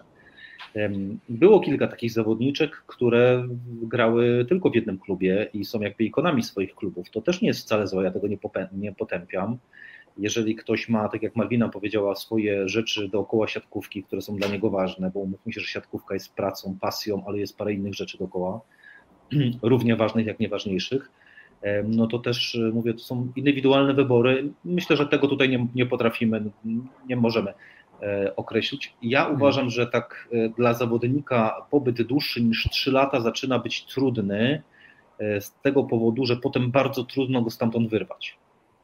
Jeżeli się ktoś zasiedzi, zapuści korzenie, zacznie mieć relacje bardziej niż e, przyjacielskie e, z różnymi osobami dookoła, a także z klubem przyjacielskie, no to, to bardzo trudno stamtąd wyjść, bo to staje się dla ciebie drugi dom. Mhm. Okej. Okay. E, pociągnijmy temat rozmawiania ogólnie o młodzieży, ale wejdźmy bardziej do szczegółów. I chciałem zapytać Ciebie, Malwina, przejście z, z, z grania juniorskiego do seniorskiego, czy było w Twoim przypadku bezbolesne, czy trochę bolało? W takim kontekście szatniowym, wejście do, do szatni, e, te charaktery, wiek tych dziewczyn, mm, różne zachowania, e, różni ludzie i to, co powiedział, to połykanie i wypluwanie e, czasami w klubie. Jak, jak, to, jak to wygląda? Czym się różnią te szatnie i na co najbardziej trzeba uważać teraz? No, myślę, że dwie chyba naj, mm, dla mnie mm, naj, najgor, najgorsze, naj, najtrudniejsze wejście do szatni to było i do Chemika Police w pierwszym roku, gdzie były po prostu wszystkie gwiazdy, które oglądałam w telewizji. E, I to było dla mnie mega przeżycie i bardzo się tym stresowałam i bardzo mi ten w ogóle ten cały sezon tam stresował, e, bo nie za bardzo do końca wiedziałam, jak mam się zachować po prostu na boisku z nimi jak mam z nimi trenować, jak e, cokolwiek mam robić, po prostu przebywać. Ale tam były super dziewczyny i one mi były różne, różne charaktery, myślę, że bardzo mocne i uważam, że trochę brakuje ich w tym e, teraz e, w naszej tej siatkówce. Mówię teraz o, o naszej reprezentacji w takim sensie, że tam było ich trochę jakby, było dużo tych mocnych charakterów, bardzo dużo, czasami momentami aż za dużo, a myślę, że, y, że to, są, to są super dziewczyny, które jednak trochę nie, dadzą, nie dają sobie tak w kaszę dmuchać, że jak się przyjdzie taka, taka młoda, to, to trochę tam zawsze trzeba dać i odczuć, że jest tą, tą młodą, ale to jest fajne. Ja to, ja to bardzo doceniam z perspektywy czasu, bardzo dużo się tam nauczyłam. E, bardzo te dziewczyny szanuję do, i się cieszę, że miałam okazję z nimi jeszcze grać, bo tak naprawdę większość już pokończyła karierę. Więc to było dla mnie wielkie przeżycie. E, druga, e, w sumie moje każde pierwsze, bo pierwsze miałam wejście do szatni w Legionowie, e, do mojego pierwszego klubu, pierwsze do kadry, które też dobrze pamiętam, pierwsze tutaj we Włoszech, to też było dla mnie wielkie przeżycie, gdzieś granie za granicą po raz pierwszy. Myślę, że byłam tak samo podekscytowana i na takim samym poziomie zdenerwowana jakby zestresowana tym wszystkim, ale tutaj już w zupełnie innej roli przyszłam i, e, i od początku oni ode mnie też bardzo dużo wymagali jako klub, więc myślę, że to tym bardziej nie pomogło mi, jeżeli chodzi o stres, bo gdzieś pomyślałam, że jestem za granicą. W najlepszej lidze świata w tym momencie, e, w którym przychodziłam i, i jeszcze są duże wymagania ode mnie, więc gdzieś tam to trochę się nakumulowało, ale ale szatnie z, z Włoch wspominam super, tą z Bergamo. Zresztą każdą szatnię chyba. Nie, na pewno nie zdradzę żadnych tutaj tajemnic, ani nic takiego. Myślę, że jeżeli ktoś wchodzi do szatni takiej, jako taka totalna młodzież yy, typu 17 lat, pierwszy raz, no to ważne jest to, żeby przede wszystkim te dziewczyny szanować i nawet jeżeli ktoś dla nas jest chamski, Chociaż wydaje mi się, że kiedyś to było dużo bardziej widoczne od tych starszych dziewczyn. I e, teraz na przykład z niektórymi dziewczynami mam super kontakt, kiedyś się po prostu bardzo bałam i to nawet nie chodzi o to, że coś złego mi robiły, tylko miałam do nich taki szacunek czasami, że wystarczyło, że na mnie jakoś tam trochę krzywiej spojrzą, czy nawet nie robiły tego myślnie, ale myślę, że było dużo więcej dziewczyn, które po prostu tam waliły prosto z mostu i, e, i nie zastanawiały się, więc e, to trzeba też przeżyć. E, parę charakterów na pewno takich by się znalazło w polskiej lidze, które teraz dziewczyny grają i naszej kadrze też i to jest bardzo potrzebne. Więc trzeba po prostu swoje przeżyć, trzeba zapracować na jakby na szacunek po prostu. Może szacunek to złe słowo, bo wydaje mi się, że każda dziewczyna się szanowana nawzajem. Bardziej chodzi o taki szacunek pod względem yy, twojej pozycji w siatkówce. O, może, może coś takiego, okej. Okay.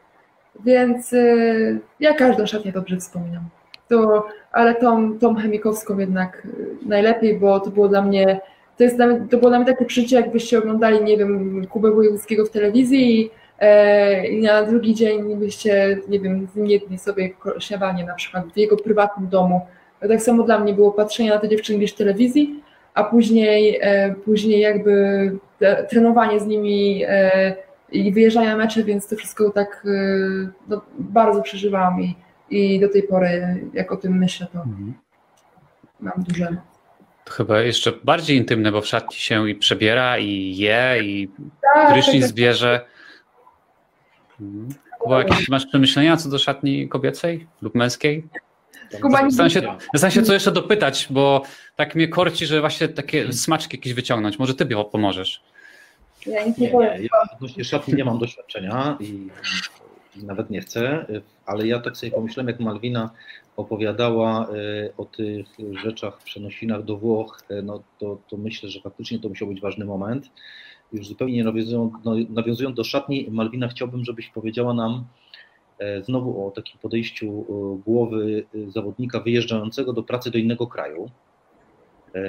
Czego się obawia, jak te pierwsze rzeczy są odbierane, jak to organizacyjnie przebiega i, i potem już na koniec, jak, jak stajesz na tym boisku z tymi dziewczynami, czy jest różnica poziomów? Powiedz nam trochę o tych swoich przeżyciach.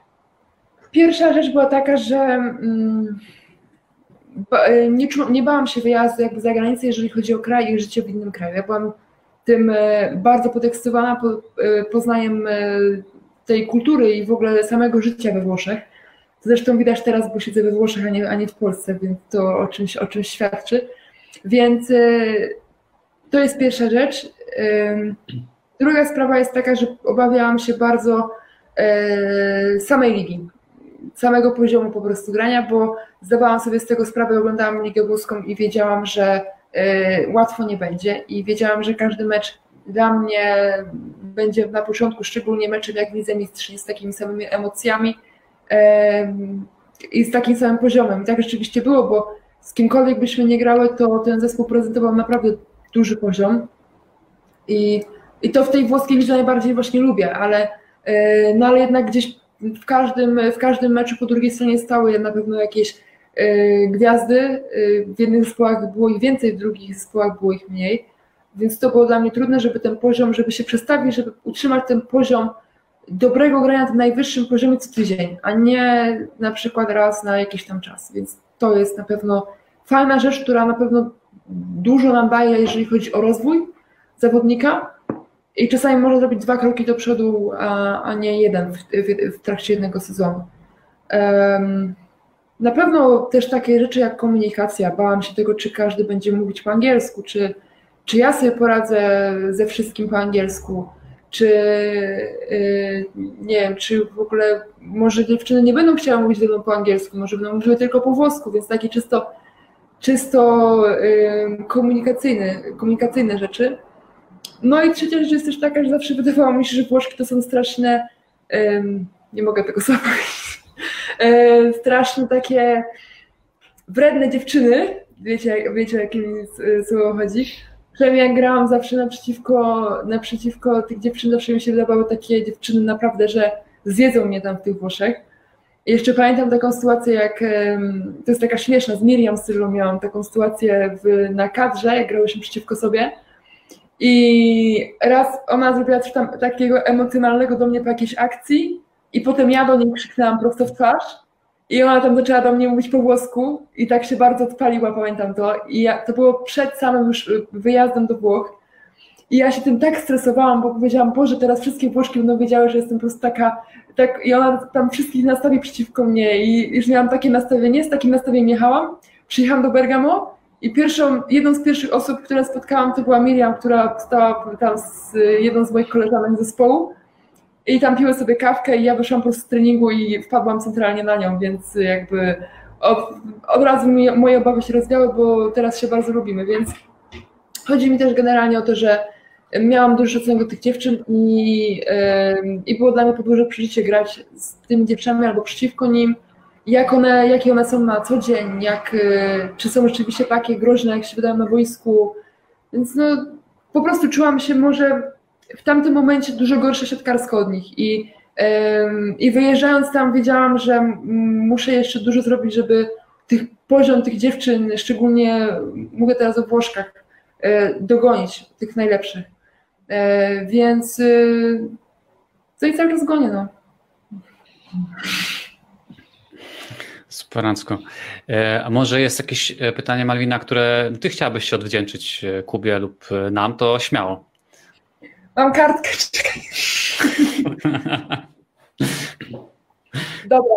Mm. Jaki spotkał Cię największy problem w Twojej karierze menedżerskiej na tyle, na ile możesz nam tutaj powiedzieć, że ta sprawa jest przedawniona już, e, z klubem, z reprezentacją, jakiś największy problem, z którym się musiałeś zmierzyć w swojej karierze jako menadżer e, z zawodniczką? Dobre, nie wiem, dobre. Czy, czy, nie wiem, czy w nie wiem, czy w karierze klubowej mogę wyróżnić taki jeden problem, bo takich problemów było bardzo dużo. E, i głośniejszych, i mniej głośnych. Chyba jednym z większych był problem związany z Marek Grothow z policjami, e, zamieszaniem, które wystąpiło z kontraktem i ostatecznie odejściem. Notabene ciągnie się to do dnia dzisiejszego, mm, więc jakby takie sytuacje, sytuacje stresowe po prostu. Dla mnie ogólnie dużym problemem... Warto powiedzieć też ludziom, że Maret e, Balkenstein przyjechała do klubu do Chemika i i po prostu nie zagrała, zagrała tam tylko jeden mecz i potem już nie zagrała żadnego i tak, tak. No, po prostu nie było wiadomo. Bardzo długa historia, tak, bardzo długa historia, skomplikowana. E, ogólnie dla mnie, jeżeli chodzi o kwestie klubowe, dość trudne są zawsze kwestie relacyjne niestety i ja ostatnio na ten temat sobie pomyślałem, porozmawiałem z kilkoma osobami, że być może e, jestem osobą, już tak jestem, że zbyt mocno wchodzę w relacje z zawodniczkami, zbyt dobrze chcę albo zbyt dużo chcę dla nich i bardzo mnie um, zawsze boli, jeżeli coś się wydarza niespodziewanego i, i coś, czego bym nie oczekiwał, coś negatywnego ze strony tych zawodniczek, e, bo ja trochę tego nie potrafię zrozumieć. I to są takie, takie relacyjne jakby problemy. To są chyba moje największe problemy, jeżeli, jakie mam, które czasami, e, czasami powodują, że zastanawiam się nad tym, czy, czy taka praca nadal ma sens, ale potem, jeżeli uda mi się spojrzeć na taką zawodniczkę jak Malwina, czy Asia, czy każdą inną, którą widzę z roku na rok, jak się rozwija i wygrywa i się cieszy z, z czegoś, po tych dziewczynach naprawdę widać, jak się rozwijają. I jak coś zdobędą, to to jest największa największa radość, e, żeby zobaczyć, jak ktoś zaczynał w problemach, z problemami i teraz może wygrywać, może się realizować, już nie tylko wygrywać, ale być po prostu szczęśliwym. To, to jest super sprawa, jak, szczególnie jak się, jak się zawodniczkę prowadzi od młodych, od młodych lat, od, od początku. Um, największy problem, jeżeli chodzi o reprezentację, to zdecydowanie był ten e, problem kadrowy, który był ostatnio. Tam niestety były pewne osoby, które w związku z tym, że zawodniczek od nas było tam większość e, i, i to całe zamieszanie powstało, no to, e, to to był dla mnie problem o tyle, że były osoby, które były przekonane, że miałem coś z tym wspólnego. I bardzo zależało mi na tym, żeby wszystkim wytłumaczyć, że absolutnie tak nie było, bo moim celem jest, e, żeby wszystkie zawodniczki grały w reprezentacji. No, z całym szacunkiem, poza, nie było innego trenera przed trenerem Nawrockim, który takich tyle zawodniczek naszych by powoływał. Więc, ale no my dajemy wielką swobodę, myślę, zawodnikom i, i dajemy im myśleć i postępować według własnego uznania. Staramy się kiedyś od czasu do czasu podpowiadać, ale to, to tak jak z wyborem klubów. Każdy, każdy musi robić to, co czuje. No i, i, i tutaj jakby próbowałem się wyplątać e, z tej całej sytuacji i to nie było proste, bo, mm, no bo dla mnie reprezentacja zawsze była marzeniem. Zawsze gdzieś tam marzyłem, żeby w czymś zagrać, nie zagrałem. Jak byłem młodym, dobrze zapowiadającym się piłkarzem. E, i wiem, jak bardzo to ważne jest. Notabene e, dzisiaj też, jak Malwina mówiła, trochę chyba zrozumiałem, jak ważne dla młodych zawodniczek są te e, kategorie młodzieżowe, bo ja czasami rozmawiając z nimi czy z rodzicami mówię, słuchaj, spokojnie, jeżeli masz jakąś kontuzję, wylecz się, ponieważ nie możemy tego pogłębić, juniorka ci nic nie stanie, będziesz grał ważniejsze mecze, a może faktycznie dla nich w tym momencie to jest kwestia najważniejsza i może to powinienem zmienić, tak? Bo tego, tego nie rozumiem. Znaczy ja staram się patrzeć do przodu na ich karierę tak? Nie, nie w danym momencie, tylko do przodu, żeby się ona się rozwijała. Więc to są dwie takie rzeczy, y, jeżeli chodzi o kluby i o, o, o, relacje, no to, to tutaj zawody, o tak, zawody, przede wszystkim ludzkie, to, to są dla mnie bardzo ważne i trudne, trudne, trudne problemy. No i kadrowo to, co się teraz wydarzyło, ale myślę, że to wszystko spokojnie da się wyjaśnić. Ja jestem człowiekiem, który uważa, że zawsze można rozmawiać, powinno się rozmawiać, wyjaśniać sobie i i mówić, coś myśli, tak? Druga, żeby druga osoba miała szansę coś na ten temat powiedzieć. To, tak, jeżeli chodzi o najtrudniejszy moment. A pytanie do Radka też mogę mieć, czy nie? Yy, czekaj, spytam. Zaskoczony. Okej. Okay. Dobra. E, pytanie, czy uważasz, że e, praca trenerów mentalnych w tym momencie jest wystarczająco doceniana w Polsce? Czy wygląda to trochę lepiej niż wyglądało na przykład 5 lat temu? I trenerzy rzeczywiście uważają, y, którzy prowadzą swoje zespoły, że jest to ważne i z tego rzeczywiście korzystają na serio, a nie tylko jako dodatek. Hmm. Pierwsza część pytania jest trudna, bo jestem subiektywny, więc odpowiem, że nie. Uważam, że nie, nie jest jeszcze docenione, ale nie robię też z tego tragedii, bo Około 10 lat temu y, tak samo przebijali się trenerzy przygotowania motorycznego. Około 17 lat temu, jak Raul Lozano przybył do Polski, to wprowadził szeroką statystyków których też wcześniej w takiej funkcji roli nie było. E, wcześniej tak się działo z fizjo, z asystentami kolejnymi i tak dalej. W związku z tym są dwie opcje. Albo ten czas przyjdzie na kolejnego członka sztabu szkoleniowego, albo ta moda w jakimś stopniu przeminie. Wow, czekajcie. Wyciszyłem cię na sekundkę. Jak coś, to wrócisz, dobra? Bo tam chyba jakaś ostra orkiestra się dzieje za oknem. No, raczej, raczej pogotowie. No, w tym sensie, w tym sensie. Więc y, to łączy się z tą drugą częścią, że ja widzę trzy takie główne powody, dla których jeszcze to wsparcie nie jest y, w klubach. Pierwsze to jest y, kasa, bo trzeba wydać na kolejnego członka sztabu szkoleniowego, a może bardziej się opłaca wziąć drugiego fizjo, albo drugiego statystyka, albo kolejnego asystenta, który się w teorii, bo to nie zawsze jest prawda, zna na siatkówce i będzie mógł pomóc przy treningu, rozgrzewce i tak dalej, zamiast inwestować e, w tego gościa, bo to jest trochę jak, jak, w, szko- jak w szkołach podstawowych, że jest higienistka, do której się idzie taka dentystka szkolna, za darmo, a można iść prywatnie sobie sam rodzic może załatwić, tak? W tym przypadku, czyli zawodnik może mieć tego swojego człowieka na miejscu, który tam zawsze jeździ, ale może chcieć sobie wybrać kogoś innego z zewnątrz, sam za, tego za niego zapłacić i nie musieć korzystać z tego narzuconego przez klub. Więc to też na dwoje babka wróżyła. E, jak to ostatecznie się skończy? E, nie wiem, liczę, że, że, że się uda ten progres. Patrząc na inne sporty zespołowe, jest, e, jest lepiej. Nawet sam byłem zaskoczony, jak troszkę głębiej pogrzebałem w koszykówce czy piłce ręcznej, nie mówiąc o piłce nożnej, to tam naprawdę e, jest to bardziej rozpowszechnione. No, trzymam kciuki za nas wszystkich, ale jestem też ciekaw Waszego zdania i Twojego, Malwina. Czy Ty byś wolała mieć na miejscu takiego gościa, czy babkę, czy wolałabyś sobie sama móc wybrać? Wiesz co, wydaje mi się, że to jest bardzo mocno taka kwestia e, indywidualna, wiesz. E, to jest tak samo jak, nie wiem, masz e, psychiatrę, psychologa,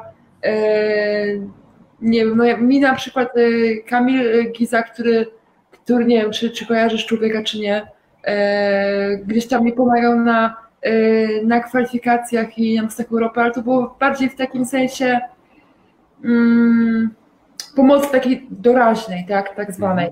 e, takiego, takiego radzenia sobie czasami po, po tych meczach, szczególnie na kwalifikacjach, gdzie wiedziałam, że nie mam dobrej formy i wiedziałam, że e, wiedziałam, że to nie jest mój szczyt tych, że nie jestem w super formie. I to było dla mnie e, jakoś tam gdzieś tam pomoc tak, taka, żeby tą presję gdzieś tam swoją wyładować, żeby nie, nie trzymać jej cały czas tylko w sobie, bo ona gdzieś tam mocno mnie zżyła, bo bardzo chciałam e, dobrze zagrać. Był to najważniejszy turniej e, w moim życiu zaraz po tym, jak zagrałyśmy pierwsze kwalifikacje w Wrocławiu do Igrzysk Olimpijskich, więc ta presja była ogromna i ta, i ta jakby niepewność, jeżeli chodzi o formę, na pewno mi w tym nie pomagała, więc to był taki trochę tak zwany śmietnik, w którym ja wrzucałam wszystkie swoje tam rzeczy, które, które, których on mi tam e, starał się trochę pomóc. E, a jeszcze chcę powiedzieć, że Łukasz e, Chlipała napisał komentarz teraz, tak, że jest to lata podobny do Kuby Klawitera na maksa. Odwrotnie, to przepraszam, Kuba Klawiter jest podobny do mnie, ponieważ prawdopodobnie jest młodszy. Ale na maksa po prostu jesteś tak podobni, że jak ja, ja o tym wiedziałam, a jak napisałam już ten komentarz, to jak ja zobaczyłam, to teraz widzę tylko tego kubek Lewitera. Cały czas patrzę na ciebie. Ja wam powiem lepiej. Ja nie wiem, kto to jest kluba Klawiter. No, nie wiesz? Ja wam no, nie wiem. lepiej, ja muszę sprawdzić, czy on jest starszy, czy młodszy. Ale eee. zdroższy, to nie wiesz, kto to jest, bo jakby on wiedzie, jakbyś, jak nie wiesz, to masz przed sobą jeszcze tyle fajnych filmów do obejrzenia na YouTubie. Zazdroszczę ci po prostu. Mm, życia mi nie starczy, to już wiem na pewno. A wiesz co, tak jeszcze kończąc, bo chciałem powiedzieć o takich trzech rzeczach, że pierwsza to jest um, kasa, to o tym powiedziałem, druga to jest um, świadomość, że ja przestałem przekonywać nieprzekonanych, czyli jakby namawiać na siłę kogoś, że to jest przydać się, to jest ważne, czy mówię o trenerach, o zawodnikach i tak dalej, a trzecia rzecz to jest ego, ego trenera, że często trenerzy trochę się, często trenerzy się po prostu boją tego, że ktoś im wejdzie, nabrudzi, przejmie trochę ich rolę, yy, albo będzie ważniejszą osobą niż oni, ale kurczę, jeżeli wy spędzacie u fizjo tyle godzin, to fizjo w sporcie jest jak barman, no tak naprawdę, tam się dzieją yy, cuda. I ja się nie dziwię, że yy, jak na przykład ja mam możliwość jechać co miesiąc na trzy dni do klubu, bo częściej nie można organizacyjnie i ekonomicznie, no to ja nie jestem osobą, które, do której w pierwszej kolejności idą dziewczyny czy chłopaki, już nieważne jaki klub, tylko idą do asystenta, który jest akurat fajnym gościem, albo do fizjo, z którym się, u którego siedzą po 3-4 godziny dziennie. No. Ale słuchaj, to wcale nie chodzi o to, żeby, znaczy tak, ja doceniam bardzo pracę trenerów mentalnych, to jest jasna sprawa, mhm. E, ale chodzi mi o to, że to e, nie do końca my czasami potrzebujemy osoby, która ma to wykształcenie, e, czy pokończyła kursy, E, tylko my czasami po prostu potrzebujemy na przykład takiego fizjo, który siedzi w tym wszystkim, e, bo to też warto powiedzieć, czasami jest trudne. Ja na przykład nie wiem, dzwonię do mojego męża i mówię, i chcę mu to przekazać, co się dzieje, ale to nie jest takie proste, żeby przekazać to, co się dzieje, bo my wszyscy w tym siedzimy 24 h na dobę. I jest to zupełnie inaczej, mam zupełnie inne odczucia i czasami nasze problemy mogą się wydawać i dla nas są gigantyczne, a dla osoby, która to ocenia z boku na chłodno, nie są. Albo i w drugą stronę też tak może hmm. być.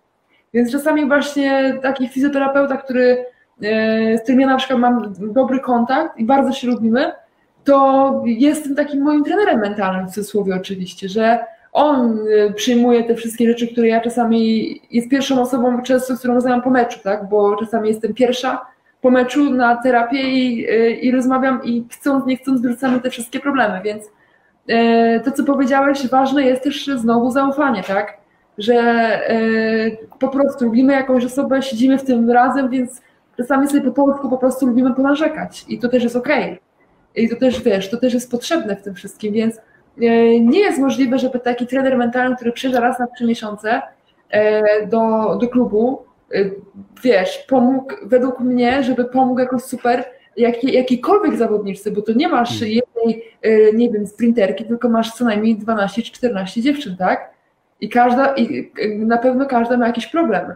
E, no ale to wiesz, to jest fizycznie dla mnie, fizycznie to jest dla mnie niemożliwe, żeby w takiej formie pomóc tym dziewczynom rzeczywiście tak, wiesz, bez picu na wodę. E, to prawda, dlatego są trzy poziomy. Kubie już oddaję głos, bo czuję, że już się wiercisz mocno, już ci, już ci daję.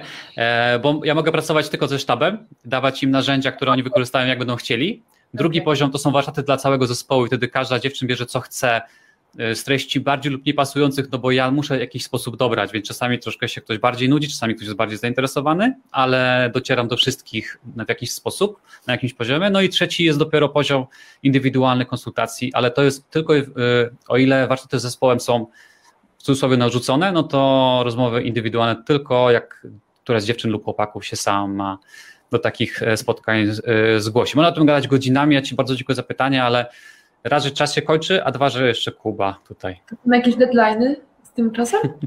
No nie, ale Was nie chcę trzymać za długo, wiecie, i tak jakoś Chwilę możemy spokojnie jeszcze porozmawiać. pogadamy sobie jeszcze o- poza anteną, słuchajcie, co tam. Jeżeli chodzi o wiercenie, to wynika z kręgosłupa, coś powinien- powinieneś o tym wiedzieć.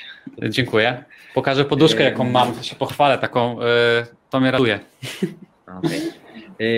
W każdym razie tutaj Łukasz napisał, jeżeli chodzi o e, trenera mentalnego, to bardzo ważne na etapie kadetek, juniorek. I ja się zgodzę, zgodzę, że kreowanie tych ludzi i to, co mówiliśmy, tłumaczenie im, że sport to nie tylko wygrywanie, że sport to także porażki, że sport to błędy.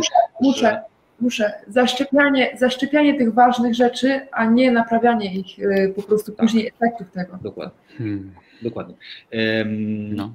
To może chyba, y, to może taka anegdota a propos, y, kiedyś jak trenerem we Wrocławiu był Nicola y, Negro, no to mm, miał dwie dziewczyny młode przyjmujące, jedną, która y, w podobnym wieku, jedna, która była przyjmującą, a jedną, którą miał przestawić, nie wiem, z atakującej na, e, na przyjmującą. I, I powiedział mi jedną rzecz, mówi, Kuba, wierz mi, że dużo łatwiej jest mi e, przygotować tą, która nigdy nie przyjmowała, niż tej, która całe życie była przyjmującą, wyeliminować jej błędy.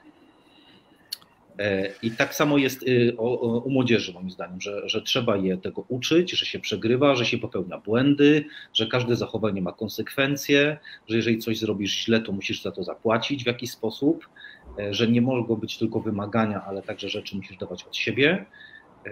I potem to, to będzie im się po prostu łatwiej żyło, tak? E, Więc y, tu się zgodzę, że taka osoba jest bardzo potrzebna na, na tym wcześniejszym etapie. Y, Genialną rzecz powiedziałeś i tutaj jest jedno za i jedno przeciw jak zwykle, czyli idealnie jest rzeczywiście, jeżeli możemy zrobić coś od podstaw, na białej kartce popracować, na młodym człowieku, który nie ma jeszcze złych nawyków. Z drugiej strony jest o wiele mniejsza świadomość i wiele treści leci bo bokiem. Wiecie o co chodzi? Nawet jak, jak człowiek taki młody jest w miarę pozytywnie nastawiony, on nie jest w stanie niektórych treści przyjąć. Choćbym, to teraz nie chcę oczywiście mówić, zwalać jakiś, że ktoś jest winny, ale bardzo ciężko jest dobrać taki sposób dotarcia do młodego człowieka, żeby on przyjął tyle treści, ile byśmy chcieli mu przekazać. Ale to jest zupełnie inny temat. I druga rzecz, którą powiedziałeś, tylko nakreślę, żyjemy w czasach, niezależnie czy mówimy o siatkówce, czy jakimkolwiek innym pracy i życiu, że teraz nie to, y, czego ja się jestem w stanie nauczyć, jest najważniejsze, ale jak ja szybko jestem w stanie czasami czegoś oduczyć. Mówimy oczywiście o technice, na przykład siatkarskiej, ale o jakikolwiek zawodzie na całym świecie i nauczyć się czegoś na nowo. Ja y, podając swój, ty podajesz swój przykład z piłki nożnej, króciutkie, no to ja też takie nie ma się czym chwalić, ale grając amatorsko w tą e, naszą kochaną siatkówkę, jak byłem w liceum i, i graliśmy na, na lekcji, to nauczyciel, mimo że się bardzo tą siatkówką e, jarał i znał, Malwina nam uciekła, teraz może wróci, e, to sprawił, że ja no, odwrotnie nauczyłem się chodzić. Lewa, lewa noga prawa, czyli jakby atakowałem prawą ręką i miałem prawą, rękę, prawą nogę z przodu też, nie? I ja sobie na stare lata, jesteś już, okej, na stare lata sobie postanowiłem zmienić tą, to złe najście nóg. Yy, Na naszych dwóch treningach w tygodniu, które, które mamy regularnie od 16 lat, zawsze gramy, plus mecz w, w weekend. Zajęło mi to 3, 3 lata. I dalej też tak mam, że jakaś taka sytuacja jest meczowa na styk, to mi się nogi plączą. Przeuczanie się, uczenie się na nowo i oduczanie się złych rzeczy jest bardzo trudne i to jest kolejny argument za, że warto pracować z młodszymi, żeby uczyć yy, na białej kartce. Nie? Eee, Słuchajcie, 41. To może ostatnia rzecz. E, taka dla, dla, dla widzów, którzy z nami jeszcze są. Um, Okej. Em, ostatnia rzecz. To tak. E, Kuba, wspomniałeś, żebym powiedział dwa słowa o, o teście talentów mocnych stron. To, to rzucę to hasłowo i połączę to z ostatnim pytaniem do Was. E, pracuję bardzo mocno z takim, takim, takim badaniem mm, Instytutu Galupa, który bada ludzi, sportowców, biznesmenów, ogólnie cały świat od ponad 30 lat i stworzył nie horoskop, nie test osobowości, ale badanie, które pozwala sprawdzić, w jaki sposób my naturalny sposób działamy, podejmujemy decyzje, wpływamy na innych ludzi, budujemy relacje i analizujemy rzeczy. Czyli można powiedzieć talenty, ale nie takie talenty czysto fizyczne, wynikające z naszego, naszego ciała, ale sposobu działania. Jak się odnajdę w szatni, e, jak się odnajdę na boisku, z kim będę współpracował, czy będę przywódcą, czy będę wykonawcą, czy będę bardziej analizującym rzeczy.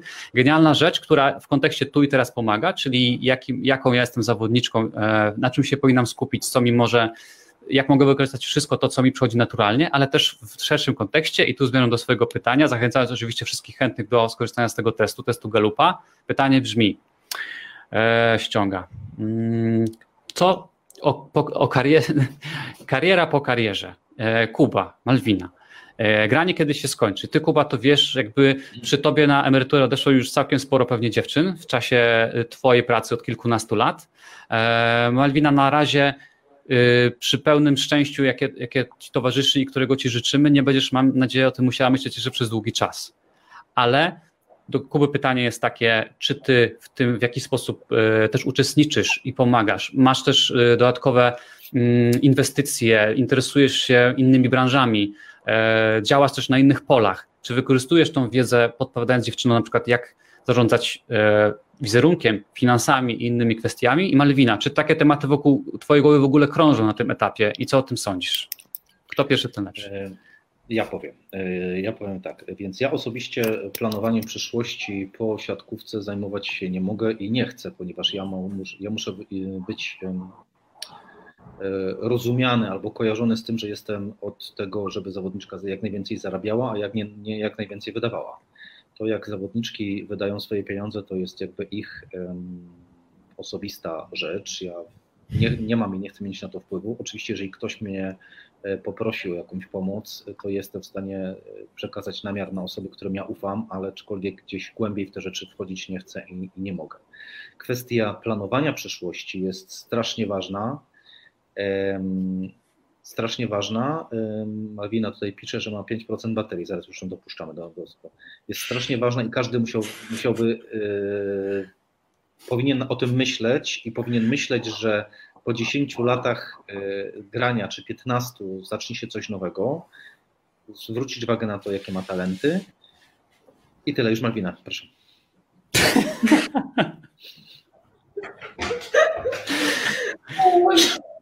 To czekaj, to może mów, a Malwina po ładowarę pójdzie, no. Mogę iść. Mogę na chwilę pójść? Pewnie, że tak. tak. To my A my sobie porozmawiamy, więc y, jeżeli w tej kwestii podpowiadania e, nie, aczkolwiek wielu zawodników nie rozumie, że, że życie po życiu jest ważne po siatkówce e, i są takie statystyki, które pokazują, że w przypadku piłkarzy ekstraklasy 70% z tych piłkarzy po, po 5 latach kończą się środki bo nie jest, nie jest sztuką zarabiać dużo i dużo wydawać, sztuką jest e, potem mniej zarabiać albo nie zarabiać i, zarab i wydawać mniej. Albo przynajmniej zainteresować się i spróbować znaleźć sobie dochody pasywne. Mhm. Hmm. Oczywiście, no, dochody, dochody pasywne jako takie istnieją e, u nas. Gra? Pasuje? Jest ładowarka. E, I to jest ważne i wskazujemy na to tak samo jak na kwestię ubezpieczenia e, zdrowotnego i na życie wagę, no ale jednak wybór tutaj takich indywidualnych rozwiązań należy do zawodnika. Mhm. To, tylko dopytam bardzo krótko, bo mm, dlatego, że pytał mnie o to jeden z trenerów. Chodzisz bardzo pragmatycznie, logicznie i tutaj absolutnie do niczego się nie można przyczepić, ani znaleźć żadnej luki. Ale chodzi taki element taki, mówię też o tym, taki emocjonalny, że ty też się bardzo mocno zżywasz z tymi dziewczynami. Czy taki, nie, czy czasem nie masz takiej pokusy, takiego mentorskiego, ojcowskiego zaopiekowania się tym, że widzisz, że jest potencjał, i że warto i że coś to trochę skręca? No wiem, że tak, no więc powiedz o tym, bo na razie wszystko, wszystko co mówisz oficjalnie świadczy o tym, że, że nie. Odsyłasz do specjalistów, nie. ale sam nic nie robisz. Nie, nie, ja mam, e, wiesz co, nie, nie, ja mam straszne ojcowskie podejście e, do, do ludzi i, i, bardzo chciałbym, jak, jak najlepiej dla nich chcę i e, jak mogę pomóc, to, to pomagam, aczkolwiek tutaj jest, wchodzą kwestie odpowiedzialności, nie? bardzo dużej odpowiedzialności. Za życie ludzkie, więc i za to, czy będzie miało z czego przeżyć dalsze lata. Więc ja się tych kwestii, są, są ludzie, których się, się, tego nie boją, się tego boją, są ludzie, którzy tego nie chcą robić, bo po prostu nie czuję się w tym specjalistą, jeżeli chodzi o, o rolę inwestowania. Y, w makro rozumieniu E, rozmawiamy na ten temat i pracujemy. W mikro e, nie podejmuję się, bo, no bo nie chciałbym poradzić inwestycji, która, która nie wyjdzie i potem ktoś do mnie przyjdzie i powie, słuchaj, no ty poradziłeś mi, będę tak z przyjacielem, też przyjacielowi nie, nie radzę, jak ma inwestować, mimo że uważam, że ta inwestycja będzie doskonała, no bo nie chcę tego przyjaciela stracić, tak, e, po prostu, bo, bo różne Jasne. rzeczy się mogą wydarzyć. Super, teraz jest wszystko jasne, bo Dokładnie chodzi o coś takiego, jak powiedział Arek, nie? że yy, taki przykład, który wcześniej słyszałem, to właśnie był trener, który rzuca hasło w stylu pamiętaj, cokolwiek zrobisz, zrób te studia, tak? I ten zawodnik tam ma te 15 lat, jeszcze cała, cała jeszcze szkoła przed nim, a potem jak ma 40, to wspomina, o miałem takiego trenera i on mi kiedyś powiedział, a wtedy tego nie rozumiałem, potem to zrozumiałem. O takie rzeczy chodzi, tak jak mówisz, nie w skali mikro, że zrób to, to i to, w to zainwestuj, to kup, to sprzedaj, jakiś taki doradca podatkowy, ale bardziej właśnie takie sentencje, które możesz przekazać ze swojego doświadczenia. Moim zdaniem odpowiedziałeś genialnie, nic dodać, nic ująć. Malwina. Ja trochę myślę o, o zakończeniu kariery, ale nie bardziej, że teraz ją chcę kończyć, tylko bardziej z perspektywy takiej, że boję się tego bardzo. Nie boję się życia po siatkówce, w takim sensie, co będę robić, jak czy sobie poradzę, czy sobie nie poradzę, bo to wiem, że sobie poradzę. Bardziej mi chodzi taką e, samą boiskową rzecz, że ja sobie tego po prostu nie wyobrażam trochę e, bez takiego życia, że ktoś mi narzuca coś, że rano masz trening, po południu masz trening, teraz robisz to, teraz robisz tamto i całe życie jest poukładane. I my na to narzekamy, że zawsze nam układają życie, ale z drugiej strony ja, ja, to, ja to lubię, ja to bardzo lubię. Ja, ja lubię mieć swój plan dnia, który jest przez kogoś narzucony, wtedy nie myślę, czy, ja, czy mi się chce to robić, czy mi się tego nie chce robić. Po prostu staję i to robię i to jest super. I ym, czasu wolnego mamy tak mało, że nie myślimy wtedy, że nie wiemy, jak mamy go zorganizować. Zawsze jest do zorganizowania. Więc trochę się boję po prostu takiego życia y, bez tego sportu zawodowego, bez y, kolejnego sezonu, znowu się przygotowujemy, może się wyprowadzę do innego kraju, a może zmienię klub. To są takie typowo dla mnie na razie obawy czysto sportowe.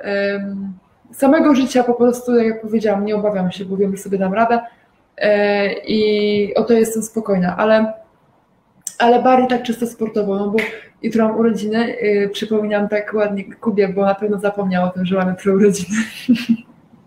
A wyłączyłam na Facebooku. dlatego, Czekaj, że... 70 dziewczyn, 365 dni, coś co raz, dwa, trzy, to cztery dni jakaś dziewczyna ma urodziny średnio. Tak. Moi drodzy, chciałem powiedzieć, że jutro masz nie tylko ty urodziny, ale również Rachel Adams i wszystko jest tutaj skrupulatnie zapisane. Jasne. Dobra. to, że jutro, jutro mam już 24 lata i dla mnie to jest bardzo dużo, wiecie? Ile?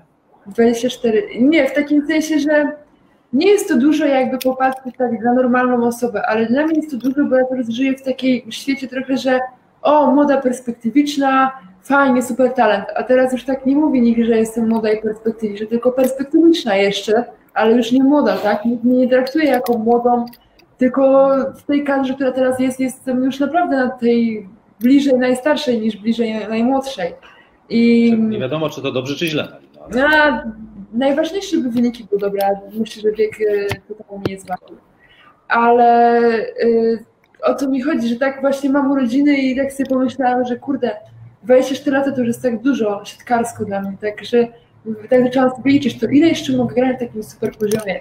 I mm, jest to takie, takie ciężkie troszeczkę momentami. Z doświadczenia powiem, z doświadczenia Mali ci powiem, że dziewczyny dochodzą do 100% swojej e, formy.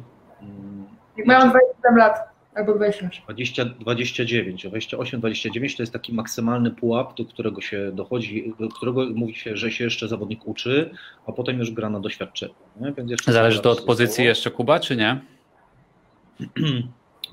Chyba nie, bo po, po, nie, od pozycji chyba bardziej, nie, od pozycji chyba bardziej zależy zdrowie, tak? No, No bo, bo atakujący na pewno są narażone na dużo więcej e, e, przeciążeń niż rozgrywający, tak? Na przykład. ale W uważam, że każdym razie- najbardziej. Tak, tak, przyjmujące najbardziej. E, W każdym razie Malwina powiedziała jednej rzecz- rzeczy i to faktycznie się u dziewczyn pojawia taka obawa przed e, organizacją i logistyką po, po, po siatkówce. Że to nie jest proste, że dostajesz listę zadań, jakie masz zrobić, albo masz coś do zrobienia w swoim życiu i nie wiesz, bo faktycznie każdy ktoś, wszystko ci ktoś organizował. Tak. I to z jednej strony to jest taka trochę ułomność życiowa i to nie jest, i to nie jest proste. No tak, tak, bo nie jesteście tego nauczone, musisz się tego w wieku 30 paru lat u, nauczyć żyć od, no, od nowa. Pan y, Arek tutaj widzę komentarz jeden, że dziewczyny mają, nie, mają porzucać studiów w czasie karier siatkarskich. To byłby idealne rozwiązanie, ale to nie zawsze się uda. W przypadku, w przypadku Malwiny to byłoby ogromnie trudne z tego, co mi się wydaje, żeby te studia zrobić na takim poziomie satysfakcjonującym. Okej, no każdy może zrobić jakiś, jakiś sobie papierek, tylko pytanie, czy ten papierek nam potem coś przyniesie, tak? Ja jestem zwolennikiem robienia studiów e, takich, które nas Cię interesują, które mają Ci coś dać. Okej. E, Czyli mam kończyć? Nie. Nie słychać Ciebie. Masz mikrofon włączony. Yy, mów śmiało, tak, przepraszam, tylko nieśmiało chciałem powiedzieć, Okej. że on tu jest z nami. Ale, ale to nie jest proste. Niestety połączenie to Malwina może powiedzieć, że to nie jest na, na najwyższym poziomie, najwyższym poziomie Mhm. treningowym, treningo, treningowo 6, 7 czy 8 nawet czasami godzin e, e, dziennie, e, na takim wyczerpaniu, wyjazdach, transferach, przelotach, to, to raczej bardzo trudno jest połączyć. No, też ja na przykład mam takie coś, że jak zaczyna się sezon i ten, zaczynasz to takie zmęczenie właśnie tym wszystkim, to ja na przykład mam tak, że zamykam tylko i wyłącznie siatkówkę. Siatkówka jest y, rano, idę na trening, później śpię po treningu, idę na drugi trening, wracam, odpoczywam po drugim treningu, idę spać. I robię to na 100%, daję z siebie 100% i dbam o to, żeby być wyspaną, dbam o to, żeby e, zrobić sobie drzemkę popołudniową, tylko spanie, ale tak jest, e, bo regeneracja jest na maksa ważna i nie wyobrażam sobie czasami momentami włożyć w to wszystko jeszcze coś. Ja mam tak, że podziwiam dziewczyny, które to robią dwie rzeczy naraz. Ja jestem osobą, która, e, która po prostu e, nie jest... Co Co się dzieje? to się dzieje? To wina tego klawita. Okej, okay. wracając do tematu, Kuba potem się wytłumaczy, dlaczego tak jest. E, no to e, zapomniałam, co mówiłam. Mm, zaplano- Ciężko będzie mi po prostu, byłoby mi włożyć coś e, w to wszystko i, i ja robię to na 100% i, i ja, te moje 100% jest na tyle duże, że nie mam siły, żeby robić coś więcej. Po prostu czasami mam tak, że wracam do domu i jem coś i nie, nawet nie rozmawiam z moim mężem, po prostu mi się nie chce. Nie w takim sensie, że go nie kocham, czy go nie lubię, tylko po prostu mi się nie chce gadać. I bym tylko sobie siedziała w telefonie, coś tam przewijała, ale te treści do mnie nawet nie trafiają, więc no ja tak mam. Podziwiam ludzi, którzy to robią, godzą i tak dalej. Ja sobie tego po prostu nie wyobrażam, tym bardziej w momencie, kiedy jeszcze jest kadra w wakacje i to wszystko jest tak skumulowane, że jakbym miała wolny czas i miałabym go jeszcze poświęcać na, na coś innego niż odpoczynek, no to dla mnie to no nie ma Obie, obie rzeczy na pewno straciłyby na jakości. Nie? Tak. Czy w moim przypadku na pewno. Mhm. Otworzyliście ko- kolejną pu- puchę Pandory, znaczy nie Pandory, no po prostu tematu y, wielkiego jak góra. Ja, ja się już specjalnie intuicyjnie zamykam, żeby nie rozpocząć kolejnej wielkiej dyskusji, chyba że sobie będziecie mieli chwilę, to pogadamy sobie poza anteną. Kończymy, słuchajcie, to jest już naprawdę duża dawka wiedzy. Y, Ja bardzo Wam serdecznie dziękuję. Godzina 50 y, wybiła naszego czasu rozmowy. Świetnie, świetnie się rozmawiało. Bardzo Wam serdecznie dziękuję. E, Malwina Smażek-Kodek, Jakub Dolata. Byliście, byliście, jak to mówił mój, mój dobry kumpel, byliście dzisiaj moimi najlepszymi gośćmi, jakich miałem dzisiaj, tak? Także E, A raz zaśpiewasz 100 lat, 100, zaśpiewasz 100 lat Malwinie, bo ty jej nie będziesz słyszał, ja jutro będę zaśpiewał? Tak, jak skończymy transmisję, możesz tam nie liczyć. A może zaśpiewa ze mną mój ulubiony tutaj kurczak. Wszystkim bardzo dziękujemy. Dziękujemy Wam za komentarze, dziękujemy Wam z serducha. Jak możecie, to dorzućcie jeszcze parę, będzie nam bardzo miło i e, dotrze ten przekaz do większej ilości osób, a warto. Mnóstwo cennej wiedzy menedżerskiej, mnóstwo bardzo cennej wiedzy zawodniczej, sporo podpowiedzi, jak działać dalej. Nie chodzi o to, żeby to robić w 100%, żeby każdy na swoją własną drogę, ale warto się inspirować od osób, które już y, w tych miejscach były, popełniły pewne błędy, y, odniosły pewne zwycięstwa. To jest bardzo, bardzo cenne doświadczenie. Jeszcze raz serdeczne dzięki. Zostańcie proszę, nie uciekajcie Malwina i Kuba, a ja wyłączam. Cześć. Dziękuję za wysłuchanie kolejnego odcinka podcastu Kierunek Skuteczność. Jeśli masz pytania, uwagi lub ochotę polecić kolejnych gości, to koniecznie daj o tym znać w komentarzu lub wiadomości prywatnej.